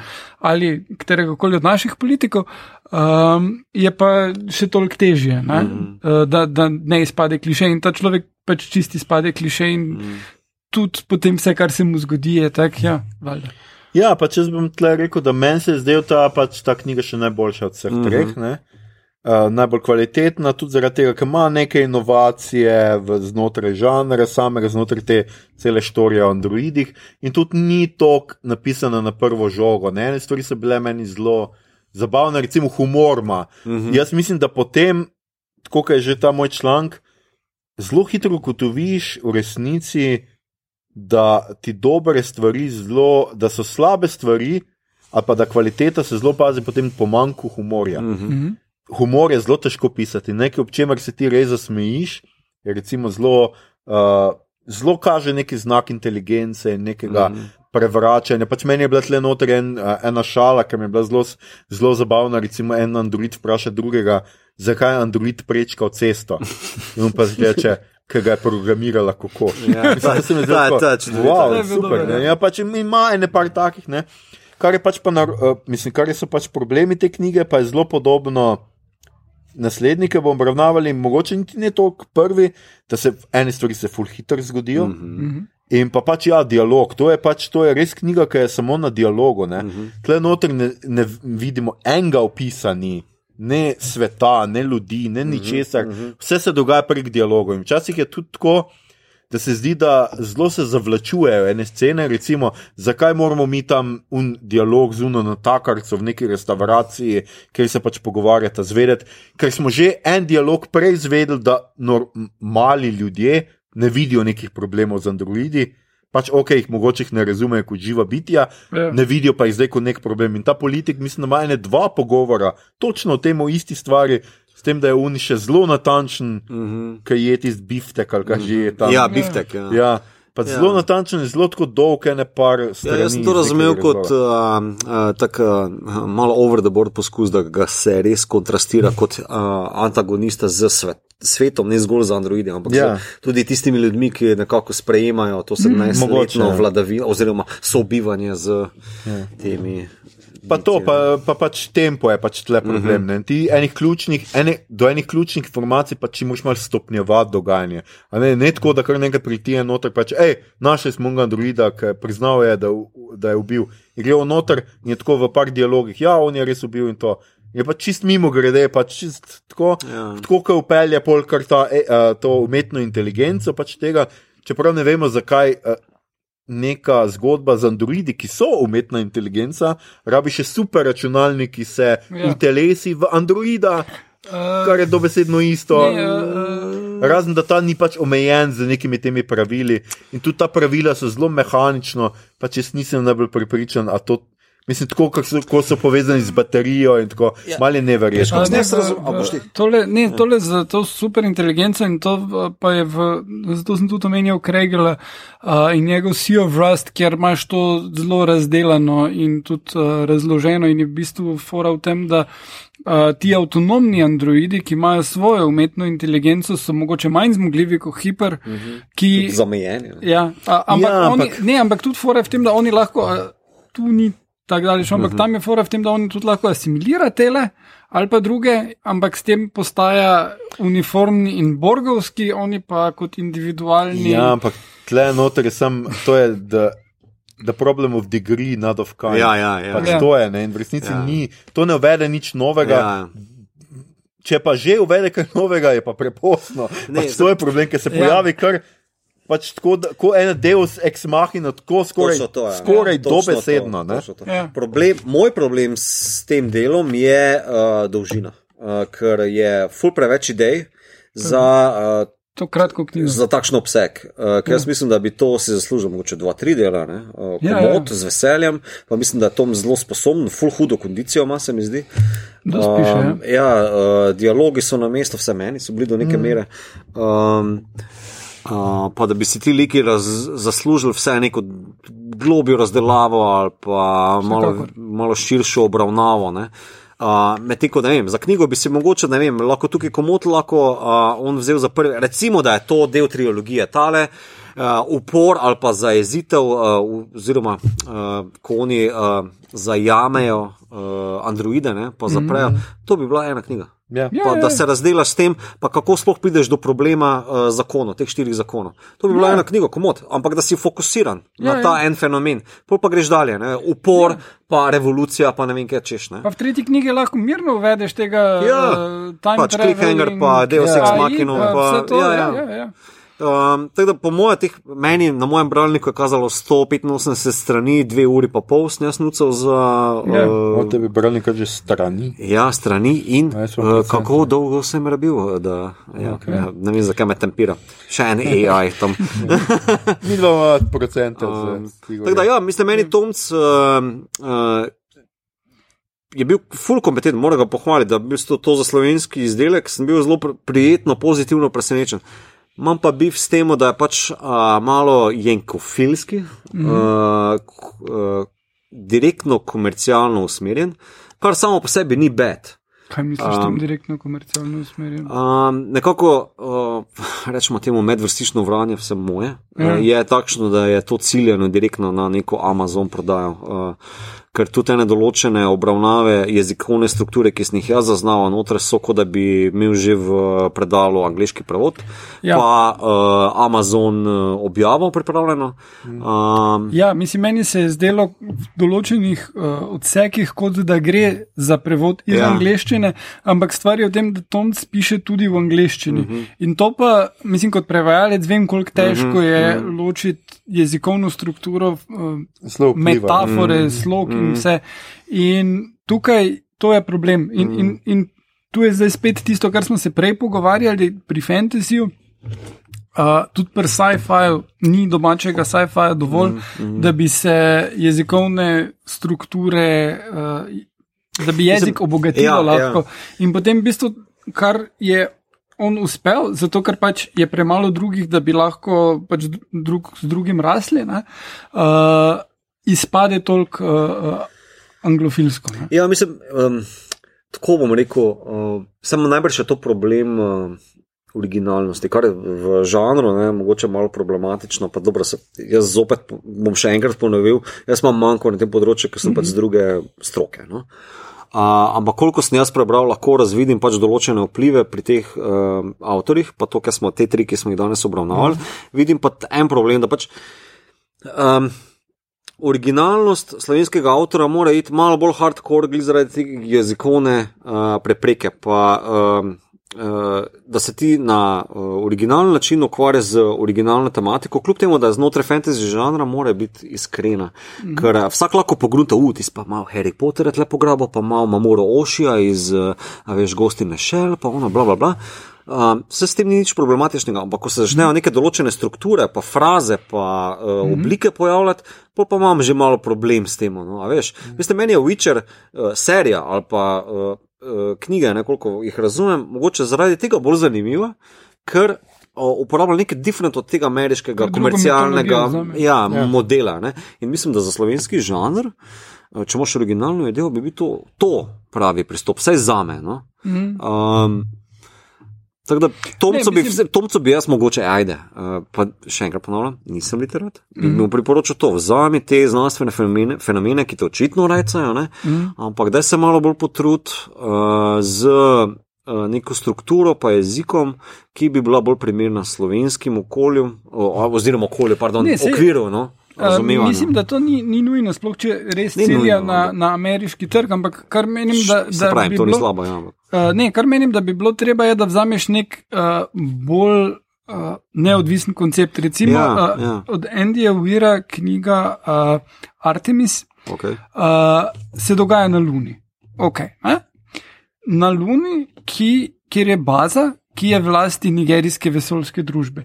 In on čist vmes vsili ta cel razvoj Nigerije kot vesoljske supersile, čeprav človek ni z Nigerije američan, ampak naredi celo zadevo ful manj ameriško zaradi tega in Ja. bolj international in zanimivo. In nek tak koncept se je po mojem optimalno izbrati.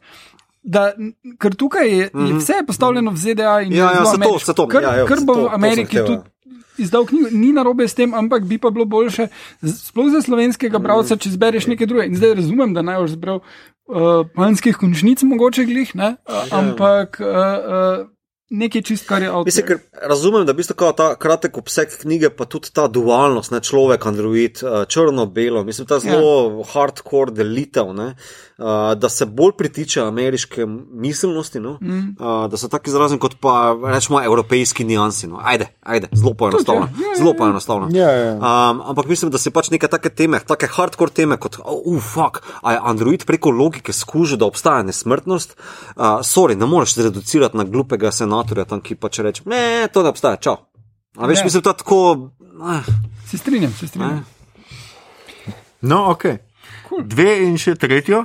Um, tretja je Rene Vrhovec, Avery Karno, jaz upam, da to prav izgovorim. Ja, ja. Bitka starodavnih, ja, ti kar veš. Ne, Avery je ime. ja, lahko da je v njihovem jeziku Averi, ne vem, kva pa vem.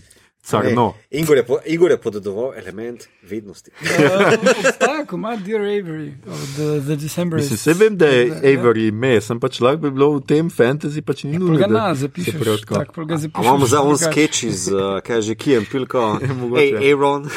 Ej, Aaron, ja. Uh, skratka, uh, v, gre za fantastično posločno, za fantasy, skratka v majhni vasi Orilikan, Orilkan se mladi Avery Karno nekako ga je strah tega, ker kmalo prihaja nek dogodek, inicijacija v odraslost, tako rekoč izbira elementa. eh, Se pravi, elementa magije, se pravi veter, voda, ogenj uh, in tako zemlja. Zemlja. Ja, sem mislim, kot reči tako naprej, pa sem še en bil. uh, ko nekako pride, ga doseže novica iz uh, San Fegrana o pobegu nevarnega zapornika. To novico mu skuša oče prikriti in gre celo tako daleč, da prekrši predpisano, da uporabi pri, več kot je predpisana količina magije, če sem jaz prav razumel, ja. zaradi česar ga pridejo takoj zapret. Uh, Avery uh, pa na to um, izgubi še mamo, ker mu jo potamanijo neki uh, uh, zlobni škratje in uh, na Ne, to skupaj. Nekdo neznanje ubije. Tako, no, nek, a ja, tako je, seveda, ja, zgori, tako je. Ja. Uh, in na to skupaj se šolci odpotuje v magično šolo Nodormijo. To sem si to. Uh, to bi bilo mogoče brez nekako kvarnikov opis. Um, zdaj, kot ste najbrž slišali že iz samega tega opisa, zelo Harry Pottersko, mm -hmm. pač na nek način, ne, skratka, imamo siroto, sicer tle zvemo, kako postane sirota, ne, za razliko od, no pa oče ni, ni mrtev, ne, ampak je samo odpeljan uh, v zapor. Uh, in pa seveda imamo z vlakom, gre recimo v Nodormijo, ne, kar ni nepomembno. Uh, Ampak je zanimivo, da ta le vlak, tako kot je opisan, je Full Hunger Games, kot pa uh, Harry Potter. Ja, res je. Mogoče res je. In skratka, in odpotuje tja, in uh, imamo eno štorijo o mladem fantu, ki pač skuša preživeti v tem nekem sovražnem ali pa nenavadnem okolju, v katerem ne ve točno, kaj se dogaja, in tako naprej. Zdaj, kaj so. Meni se je uh, zdelo sicer še kar zanimivo na nek način, če tudi je, se res, res gleduje po Harryju Potterju. Uh, kar je pač problem, pač spet te knjige, tako kot smo že prej ugotavljali, zelo hitro se vse dogaja. Tle noter je pa res. Ali pa ne. Ali pa ne, ja. Tle noter je res ene stvari so zelo, zelo pohitrene, on se kar takoj spoprijatelji. Um, On kar takoj um, odžaluje. Tako je, zadeve. odželuje, ja, ta konsistenca čustev je zelo pač Ja. nična, ne. mamo pozabi tako po desetih straneh. Tako tudi očeta ima v zaporu v tem istem kraju, kjer se nahaja. Pa pač, Niti enkrat ne gre na Tako je obisk, to. ja. Predvsem pa je problem to, kar smo se z Igorjem že pogovarjali vmes, a ta gradnja tega sveta, ne, Ja. kjer ni nobene logike v resnici. Tle je, se res vidi, da se ene stvari izmišljujejo sproti. Še direktno si, uh, v, um, če smem samo hitro, ja, ja, ja. ja, ja. direktno si nasprotuje. On, ko pride na Nodormijo, uh, oni imajo par mesecev cajt, da v bistvu ždijo v unih sobah. a ne. Kar In, v uh, treh straneh. Ja, Ja. ja, seveda, ne? ampak je, napi, je napisano v parih stavkih, da pač so tisti čas tudi ponudili, da grejo po centru, pa nekaj levo desno. E, tako je prvi stavek, ali ne vem kaj, v drugi knjigi, ne, kaj prav Ja. ločeno, na drugi Ja. ja. knjigi, bo- gremo malo po uh, temu uh, mestu, a za. Tako. Uh, ja, Nima veze na A, mesto Ja, ja, in na A, tam vidijo nekaj, ker ga ne pozna. Ja. What the fuck? Mislim, te, Tri mesece ste bili tam, Ja. ja. zdaj je minilo v štirih kar naenkrat ne poznajo. ampak ja. Ja. Ja, so problemi. Plus to, da ja, res je ne ved, koliko se zigo pogovarjali. Pač imaš tle noter, obute imajo superge. Ampak to je svet, ki je nekako na pol. Jaz nisem točno razumel, v kakšni razvojni stopnji je ta svet. Ne, ni. Pač ta Nekako- časopis pride enkrat na teden, ali kaj je že bilo, pa neki pubi so, oziroma take ja. zakotne gostilne, mesto, kjer se nič ja. ne zgodi. Po drugi strani imajo vlak in dvigalo v neki ja. tej šoli. Ampak, Dvigalo, ki je bolj ali manj magično. Ja, ja. Ker se ne vem, zakaj se sploh imenuje dvigalo. Vala, ne, tako da ja, veliko je tle noter nekih nekonsistence. Zelo, zelo ta in prejšnja knjiga računata na naše lastno predznanje. Ne, da Ja. pač kao, ja, ko rečeš ti vlak, vlak zgleda tako, kot si ga jaz predstavljam, ne bomo Ja. ga opisovali.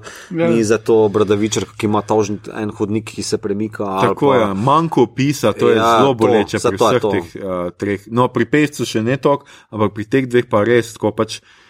Ne uživiš se v svet, pač meni je zelo žal, ampak meni lik, ki ga jaz ne doživim kot osebo, uh Mhm. -huh.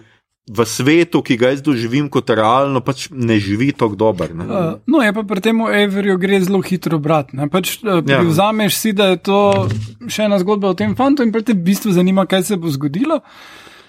Uh, pa tudi mislim, da moram, uh, mislim, to bi moral malo dal plusa, no, da uh, slog je vseeno malo bolj živahen. Ja, Uh, besedni zaklad je tudi nekako, nekako na nivoju, Ja, ja. bolj kot uh, uh, pri drugih knjigah. eh, Perdikas. No. Um, in mislim, jaz, jaz komod vidim tole knjigo kot uh, se tudi nastavo tako, ne, Mhm. uh, kot uh, začetek neke serije.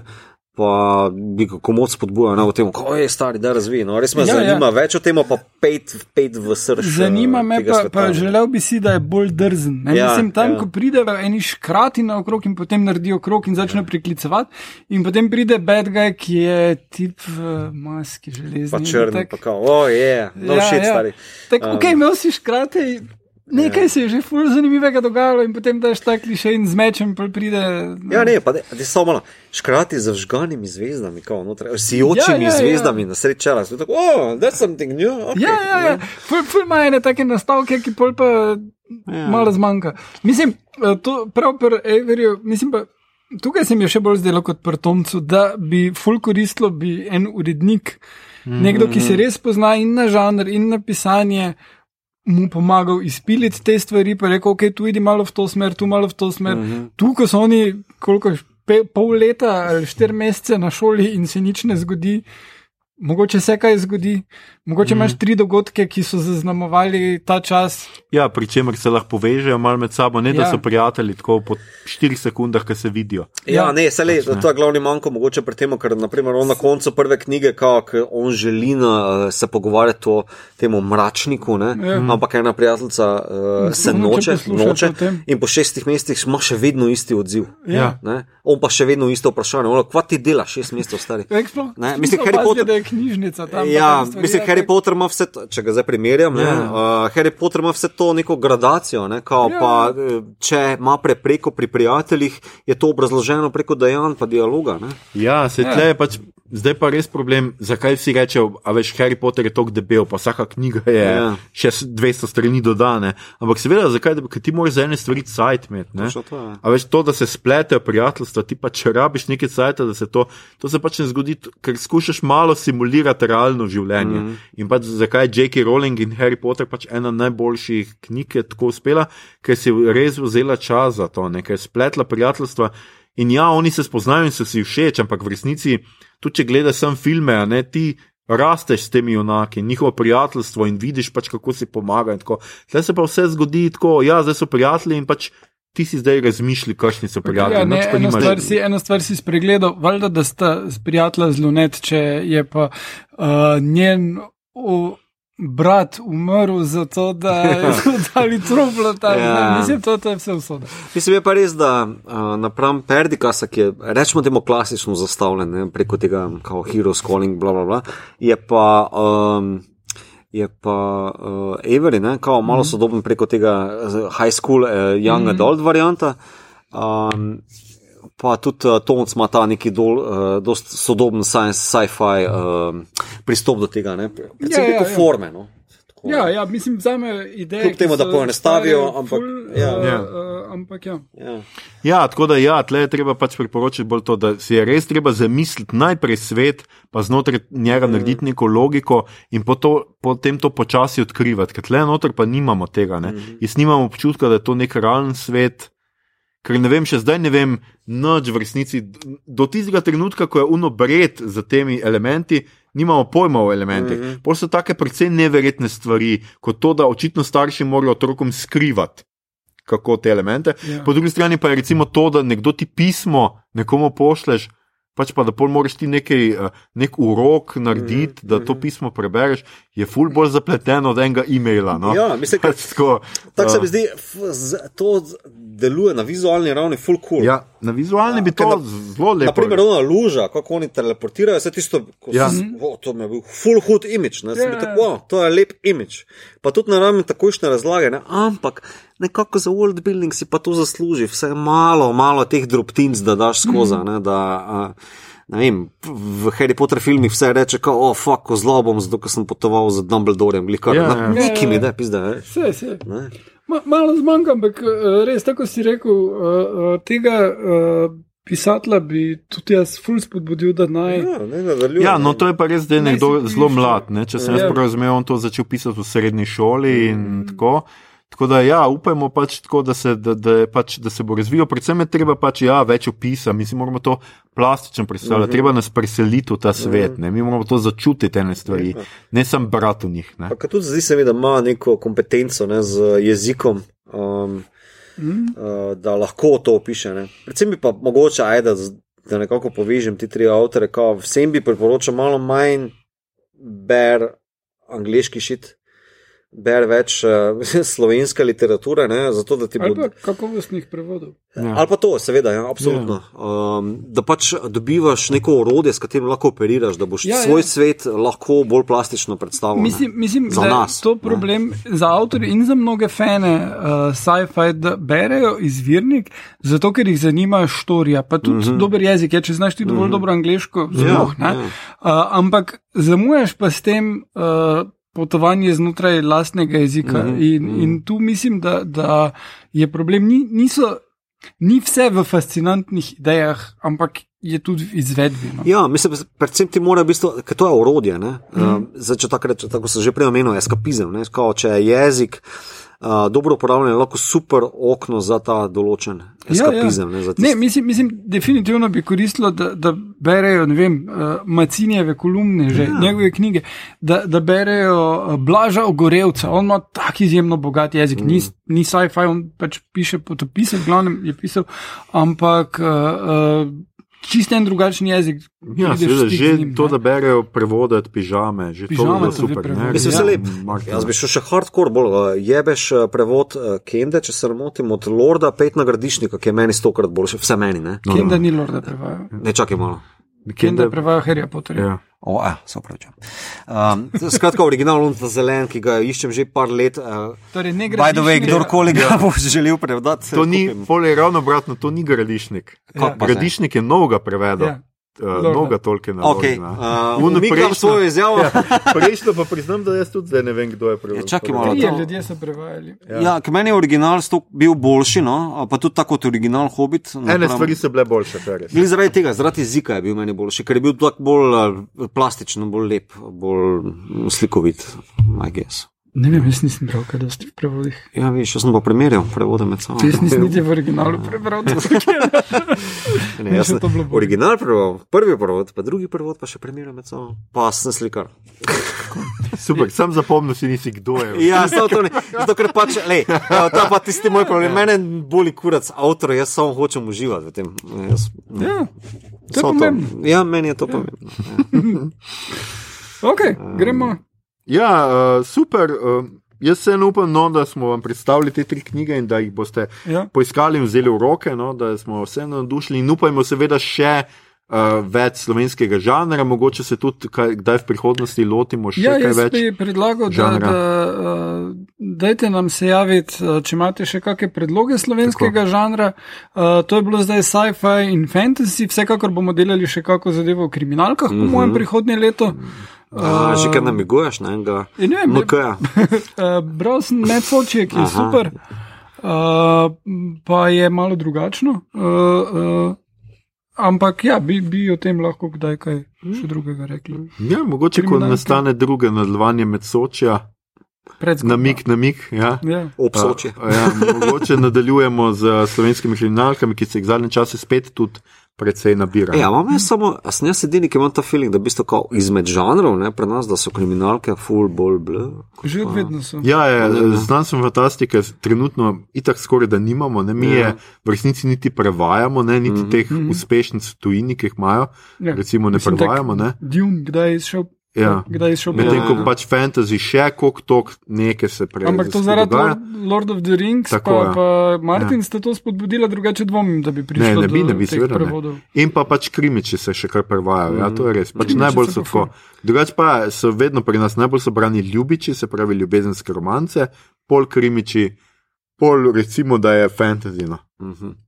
Od žanrov. Ja, od teh hardcore žanrov, da ne rečemo zgodovinskih. Ja. Teh, ne. Je Um, zgodovinski tudi fulbranje. Ja, ja, se pravi, ja, se, žanr, ampak ne. tega zdaj, veš, to je malo teže šteti kot tako hardcore žanr v tem smislu, Mm. mm. ker zgodovinski roman lahko ima ful več žanrskega, no lahko je pač, če je v drugi svetovni vojni, je to na pol vojni roman, če je veš Mhm, tako. mhm. V tem smislu. Aj. No, skratka, jaz upam, da smo vas vseeno navdušili. No. Berite vseeno in gledajte in poslušajte in vse slovenski žanr. Zdaj pa mi, kaj gledamo, beremo in poslušamo. In Igor je pogledal malo morja vsega, ker je bilo ja. Zdaj veliko časa zadnje dni. Uh, Igor? Ne, imel veliko časa, samo uh, zasledil sem že pred časom ta film um, The West of Night in uh, sem, se ga, sem si vzel čas in sem ga pogledal. In ko sem prišel do 20 minut, sem ugotovil, da je treba ta film v čim višji ločljivosti pogledati, ker je fucking amazing. Um, res je uh, lepo posnet, super zgrajen. Um, en boljših filmov, to vrstni, kar sem jih zadnjem času videl.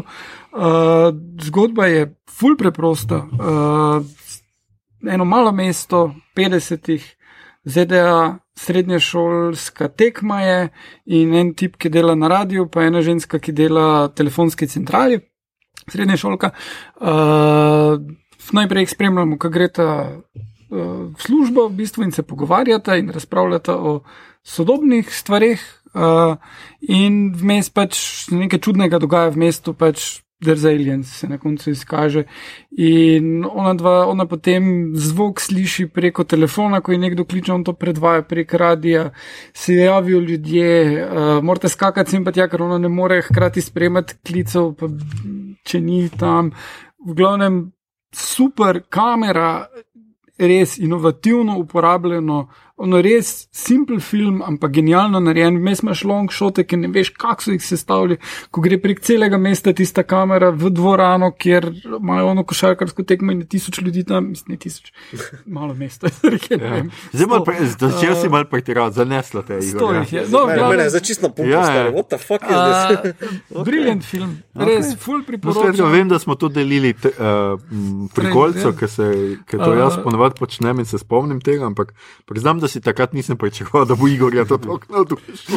Uh, moram reči, en boljših sci-fi filmov letos in škoda, da ga se ni nobeno pogumil, pa ga dal v kino, ker mislim, je ono drive-in kino.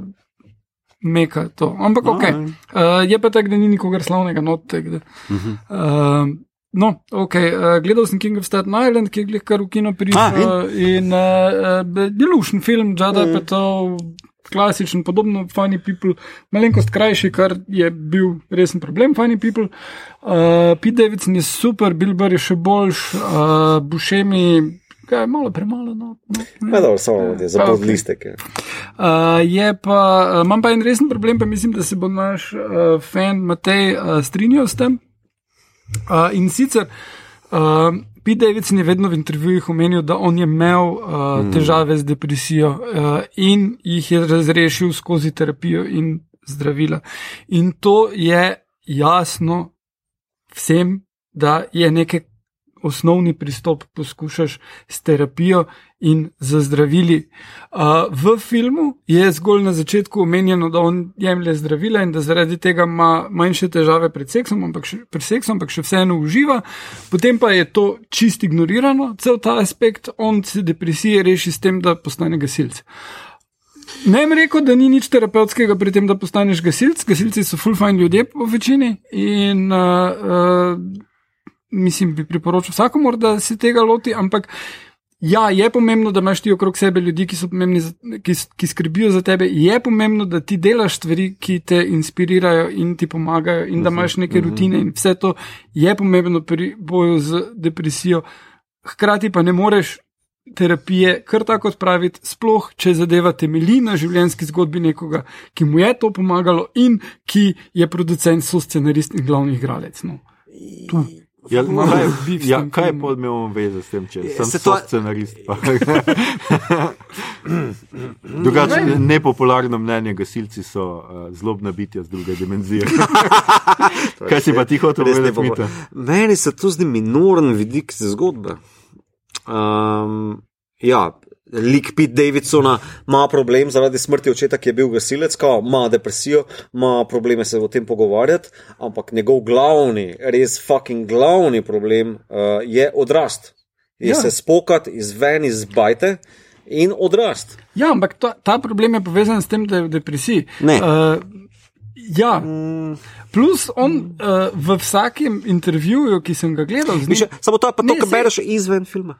Ja, ja, ampak on, film. so ga vprašali, prva scena v filmu, ki je, je da je on tako naveličan life, da zapre oči medtem, ko vozi in da gleda, kaj se bo zgodilo. Sure, sure. Vprašali so ga, je to res nekaj, kar si delal, in je rekel, absolutno.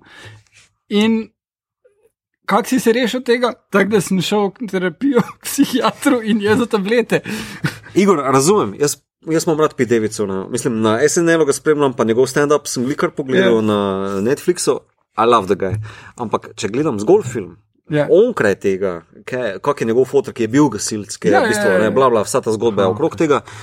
Je film o tem, kako odrast, v bistvu, bi- eh, iti onkraj milenijskega bulšita. Ne, kao, t- jaz, jaz tako gledam film. Milenijec. onkraj kot milenec, ki je imel sicer tragično zgodbo za sabo, ne, Ja. iti onkraj tega, pa še hkrati kao eh, svojo mati samohranilko nekako imeti v tej isti, eh, ne rečemo, perspektivi zgodbi, ki dobijo novega tipka, tipa slash Bill Bura noter. Um, tako da ta fora, ne, mislim, to, kar si zdaj izpostavil. Torej, uh, tip, ki ima depresijo, pa omeni terapijo, ampak potem več ne omeni terapijo, mi je začetni bombonček, ampak ni za me, Ne, no, me- ni bilo pomembno za branje. No. Ne, meni se zdi, da to, da on na začetku samo omeni terapijo, potem pa ne več, implaja, da uh, je terapija manj pomembna kot to, da si zrihta življenje, v osnovi pa ti bo vsak terapeut rekel, da točno to naredi, kar on dejansko naredi, pol, ampak hkrati te Meni je pa zelo, štekam. Štekam. Ja. Hočem samo povedati, da, v bistvu kao, uh, ne bom rekel, da implaja, ampak da mogoče kao kot eh, neki bom, Predpostavlja, da je mogoče. a ja, Ja. hvala, uh, Hvala. Da, da vrže kot bombonček tamle. Meni se zdi, da prej film predpostavlja, da moraš odrasti preko odgovornosti, da pre, začneš prevzemati na se. Rečemo, fucking Jordan Peternovsko, pospravi sobo, pet delati nekaj takega. Tako sem jaz bral ta film. Ja, ampak se to, to, je, požar. Ja, to je osnova. gasni eh, fotor. Uh, to je osnova vsake uh, terapije. Mislim, problem je, da uh, ter, zdravljenje depresije in nasploh uh, mentalne težave Ja, obstaja ena velika stigma. ja. In tu je film, ki je že zaradi avtorja in zaradi te začetne scene imel priložnost to stigmo odpraviti. ja pa ne. Pa se sploh ne ukvarja Ja, z njo. ja, to se strinjam. Zato, ker je To, pač. to je moj bif. Ja, popolnoma ja. razumem, samo jaz mislim, da to. Zdaj smo res šli v. Ne, ne, vse je v redu, ja, ampak A, pač, ampak, ja. le, hoče samo povedati, da v bistvu, meni se zdi, da on to s tega niti ne načne, ker uh, takoj v joke fukne. Naprimer, uh, v prvi sceni, ko oni pohajajo v kleti, naprimer, no, ena beba tam začne, a ja, fotra, nimaš kao, ne pa se še Ja. yeah. začnejo, ko ne smeš tega njemu govoriti o fotru, ker Ja, yeah, pač ja. on njegov fotor je umrl, pa pa vse na joke obrnejo. Uh, in takrat je zgodba o tem, kako, o, kako on trpi zaradi izgube fotra zaključena. Vse, kar se film potem ubada, je, da pač on nekako se noče premakniti iz bajte svoje matere, pa dobiti joba, pa iti naprej. Pa niti ne, da sam sebe krivi, kao non-stop fotor, fotor, fotor. Mm. Tu pa tam omeni, ne kao, ja, mati boš dobila noga fotra, boš ono levo, desno. On, vse, kar on nuca, oziroma sam želi, ne, to tako pove, je najti nekaj, v čem uživa. Nekaj, v čem, kar je odgovorno, zato on išče nov tattoo uh, parlor, ne? torej mm, uh, studio, pa uh, nekoga, ki ga malo rukne, malo brcne, urit pa levo, desno. Ta depresija, angel, ne, Mhm. je prisoten, ampak tako za, za odtenek bom se izrazil. No, No, Saj- ok, okay. se boste strinjali, se ne strinjate. Ja, ajde, ajde, Da, ajde, da ne bo- ostanemo pri tem. Uh, Igor, ti si še pogledal še eno stvar? Ne, je bral strip, uh, Dark ja, Knights, Death Metal. Uh, nadaljevanje Dark Knights Metal, uh, ki je bil malo simplističen in uh, ne vem, zdaj štorije razlagal, ampak v tej uh, štoriji se pojavi Batman Who Laughs, ki je najbolj terrifying DC villain in je iz Nightmare universa, kjer. Whatever. V glavnem, Batman je, ki je evil, pa ima Jokerjev na smeh, neke zadeve čez oči in je full pameten in full zloben. In zdaj uh, v tej Dark Knight's Death Metal je pa pač vmes je vse en kup stvari dogajalo v drugih serijah, to meni vedno fultečno pri DC-ju, pa tudi pri Marvelu. Ker tak, ja, zdaj pa, da bi to serijo razumel, kje smo na začetku, uh -huh. bi moral, uh, ker tale Death Metal je zdaj prvi del prišel ven, ne, bi moral zdaj prebrati, uh, uh, ne vem, enih 15 različnih stripov, ki so Batman, Flash, mm. uh, ja, Justice ja, League ja. in tako dalje, da si ti skupaj zbereš storije in oni tudi vsaki. To se je pa zgodilo takrat, imaš upombe v glavnem, ok. Ampak imamo nek svet trenutno, kjer tale Batman Hulavs vlada in je zloben.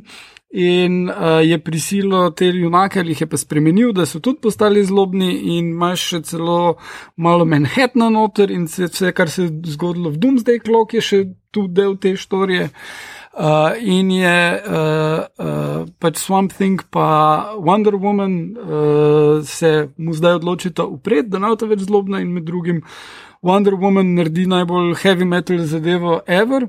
In uh, ker je morala uničiti svoje orožje, torej Invisible Jet, pa nevidno letalo in laso resnice, si je zdaj naredila uh, motorno žago resnice, ki je nevidna in z njo pobija zlobneže in je tako res. Zakaj, zakaj po, kako, kako pobija? No, mislim, to je tako ta, ta serija stripov, to je tako full ultra-violent klanje in vse. Tako je morala, on, to nema veze, good bad. Mislim, da vidiva tle, kako Igorja zlahka dobiva ene stvari.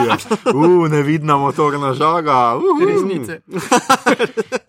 nevidna motorna žaga resnice, ok. Ampak a je uh, huskvarna? Ali je, uh, kaj že na druga strani? Um, no, sama si je naredila, ni, ni vzela štilerce. Štilerce, ja. Ni vzela štilerce, sama je naredila. Sorry, to, če tega ne pojasni, ni ok.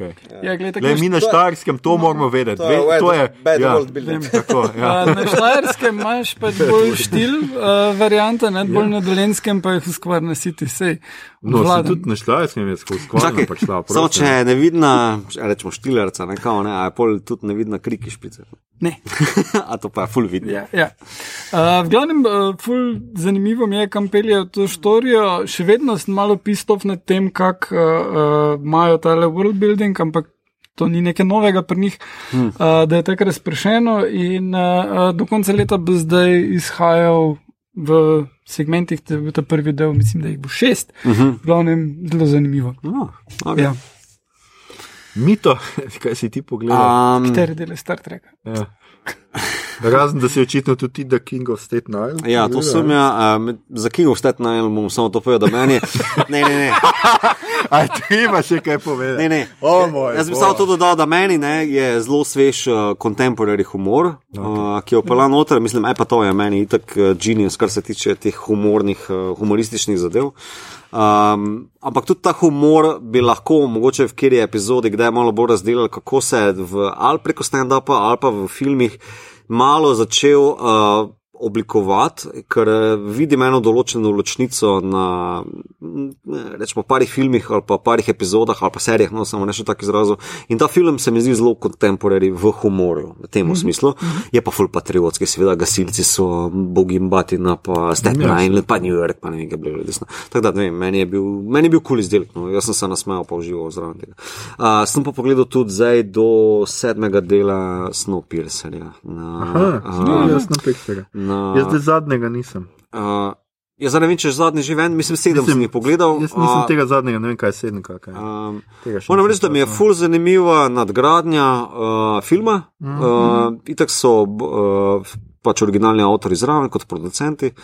Uh, pa da mi je res kul cool tale torej, krimi, detektivska patina preko tega sci-fi elementa, pa nadgradnja vlaka v uh, tri razrede, da se še malo s tem igrajo.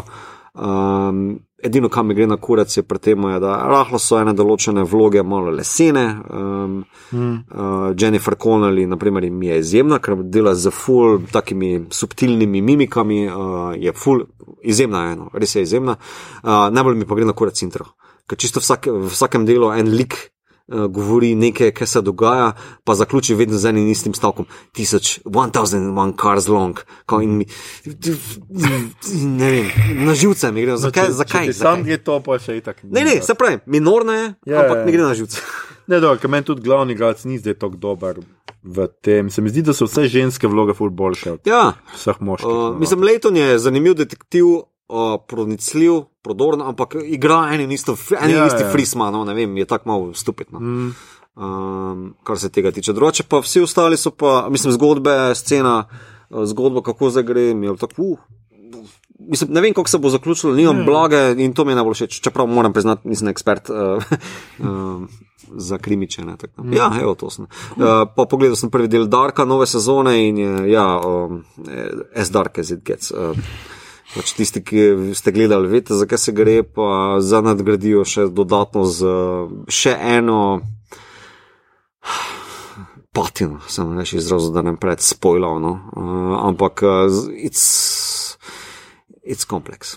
I, oziroma, kako je na Facebooku, no, it's complicated.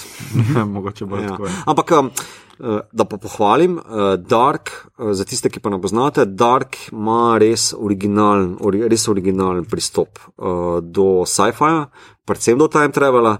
Um, in je zelo Twin Peakovski v tistem delu Twin Peaksa, ki je meni všeč, v tej bizarni uh, žajfnca zadevi, medtem ko pač rečemo druga sezona Twin Peaksa, ne vsi vemo, je pač ona eh, čizi, piano pa uh, pitje kofeta, mm -hmm. uh, ki je brezvezno, medtem ko tu pa ta contemporary sci-fi shit, kjer je pač vsakdo z nekom povezan, pa vsi, vsi smo povezani, pa vsi smo sorodniki od nekoga, uh, dark uh, nadgradnja, zdaj še za to dodatno tretja sezona Patino je pa tak um, dodaten. Uh, ekstra super bombonček.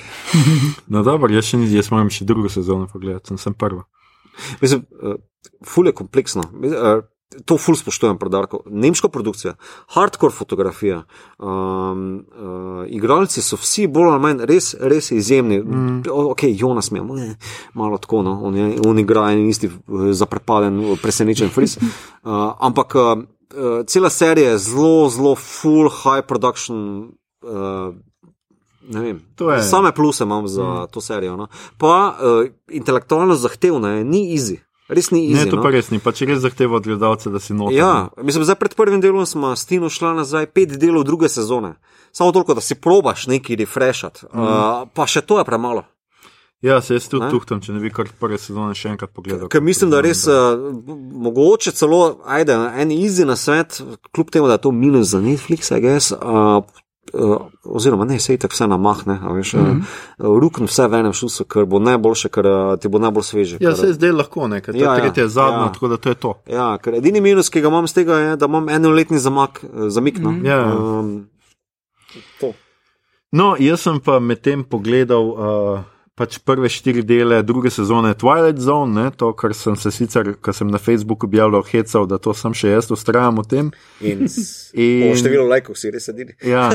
In uh, še vedno pač ustrajam, pač prvi štiri deli me niso navdušili, moram priznati. No. Kaj, kljub Marini Bokarin. Ja, uh, Meet in the Middle je prvi del z Jimmyjem Simpsonom, recimo tudi, ki je super in vse, in tudi um, zgodba je, da se on nekako naenkrat ugotovi, da je telepatsko povezan z neko žensko na drugi strani ZDA in se začneta pogovarjati in se zaljubita, uh, in poljo gre seveda poiskati na neki točki, potem imaš downtime z Moreno Bakarin. Kjer ona ugotovi, da je pač ravno ko je povišena v službi, da je samo lik v neki igrici oziroma v neki virtualni resničnosti in da je njen lastnik, oziroma pač tisti, ki se uživlja v njo, ali kako bi človek rekel, je v komi in zdaj skuša se nekako samosvojiti od njega. Potem imamo The Who View, kjer nek tip ugotovi, da lahko prehaja iz ene kože v drugo, skratka zavest seli v druge ljudi. In Jaz pa, mislim, misliš prav kožo. A ne, ne, ne. ne. In pa zadnji četrti del Ovation. In jaz mislim, da je posebej Ovation zelo hitro pokazuje, kaj je problem celotnega Twilight Zona. In to je namreč ta struktura, kjer imaš ti uvod nekaj minut, in potem se pokaže Jordan Peele in ti razloži, kaj se dogaja. In tle imam jaz zdaj res problem, ki se v Ovationu zelo dobro pokaže v četrtem delu, ker ti Jordan Peele kar pove vnaprej, kaj se bo zgodilo, čeprav ti do tistega trenutka še nisi dobro vedel, kaj se dogaja. Ampak skratka tam v Ovationu je recimo to, da neka pevka posna, sname, snema video spot in polijo vsi obletavajo, kako je super. In ta komat je najboljši, ona je vidno pač naveličena vsega tega, gre ven, ljudje izkos, težijo, pol naleti na eno neko pač pevko, to ulično pevko in jo vpraša, kaj bi rada, pač ona reče, jaz bi imela vse to, kar imaš ti, in ona reče, glej, tle imaš kovanc. Mhm.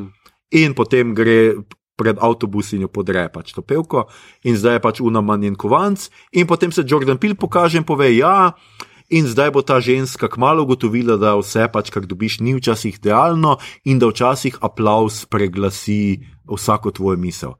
In potem imamo ful neki super scen, sicer ker ona pač pride ne, v, do. Svoje sestro išče, ki je neka kirurginja, in- in pride v operacijsko dvorano, in tam folk zagleda, in začne vsi divje ploskati.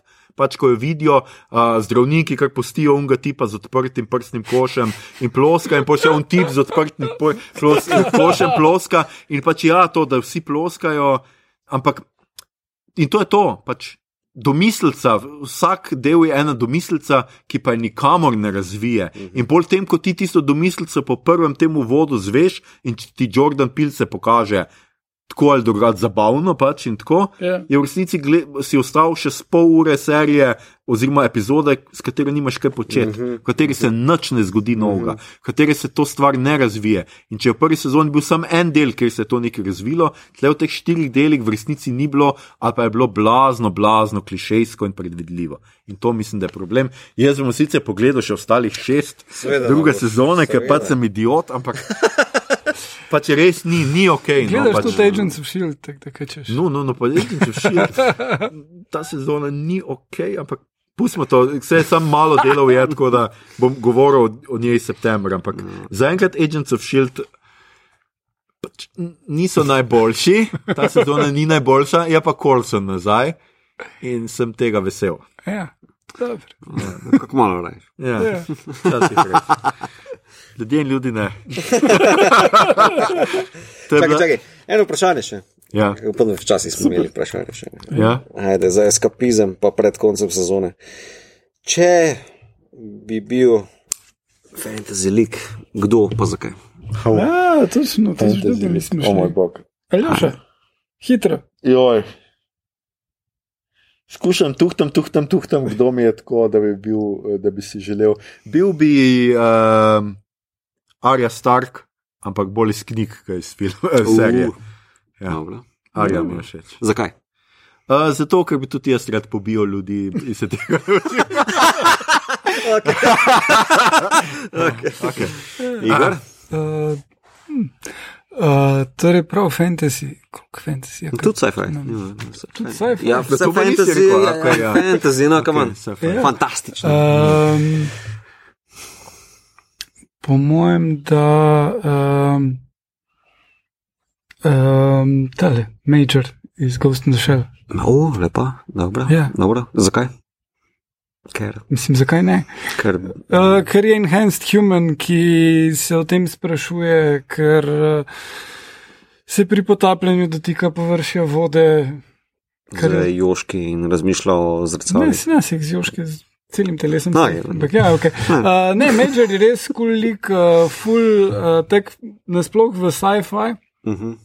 Uh, mi je bila vedno uh, full fascinantna, ker uh, v sci-fi imaš zelo pogosto tole neko uh, točko preloma, ko se vse spremeni. Mhm, mhm. In ona je direkt na tej točki Mhm.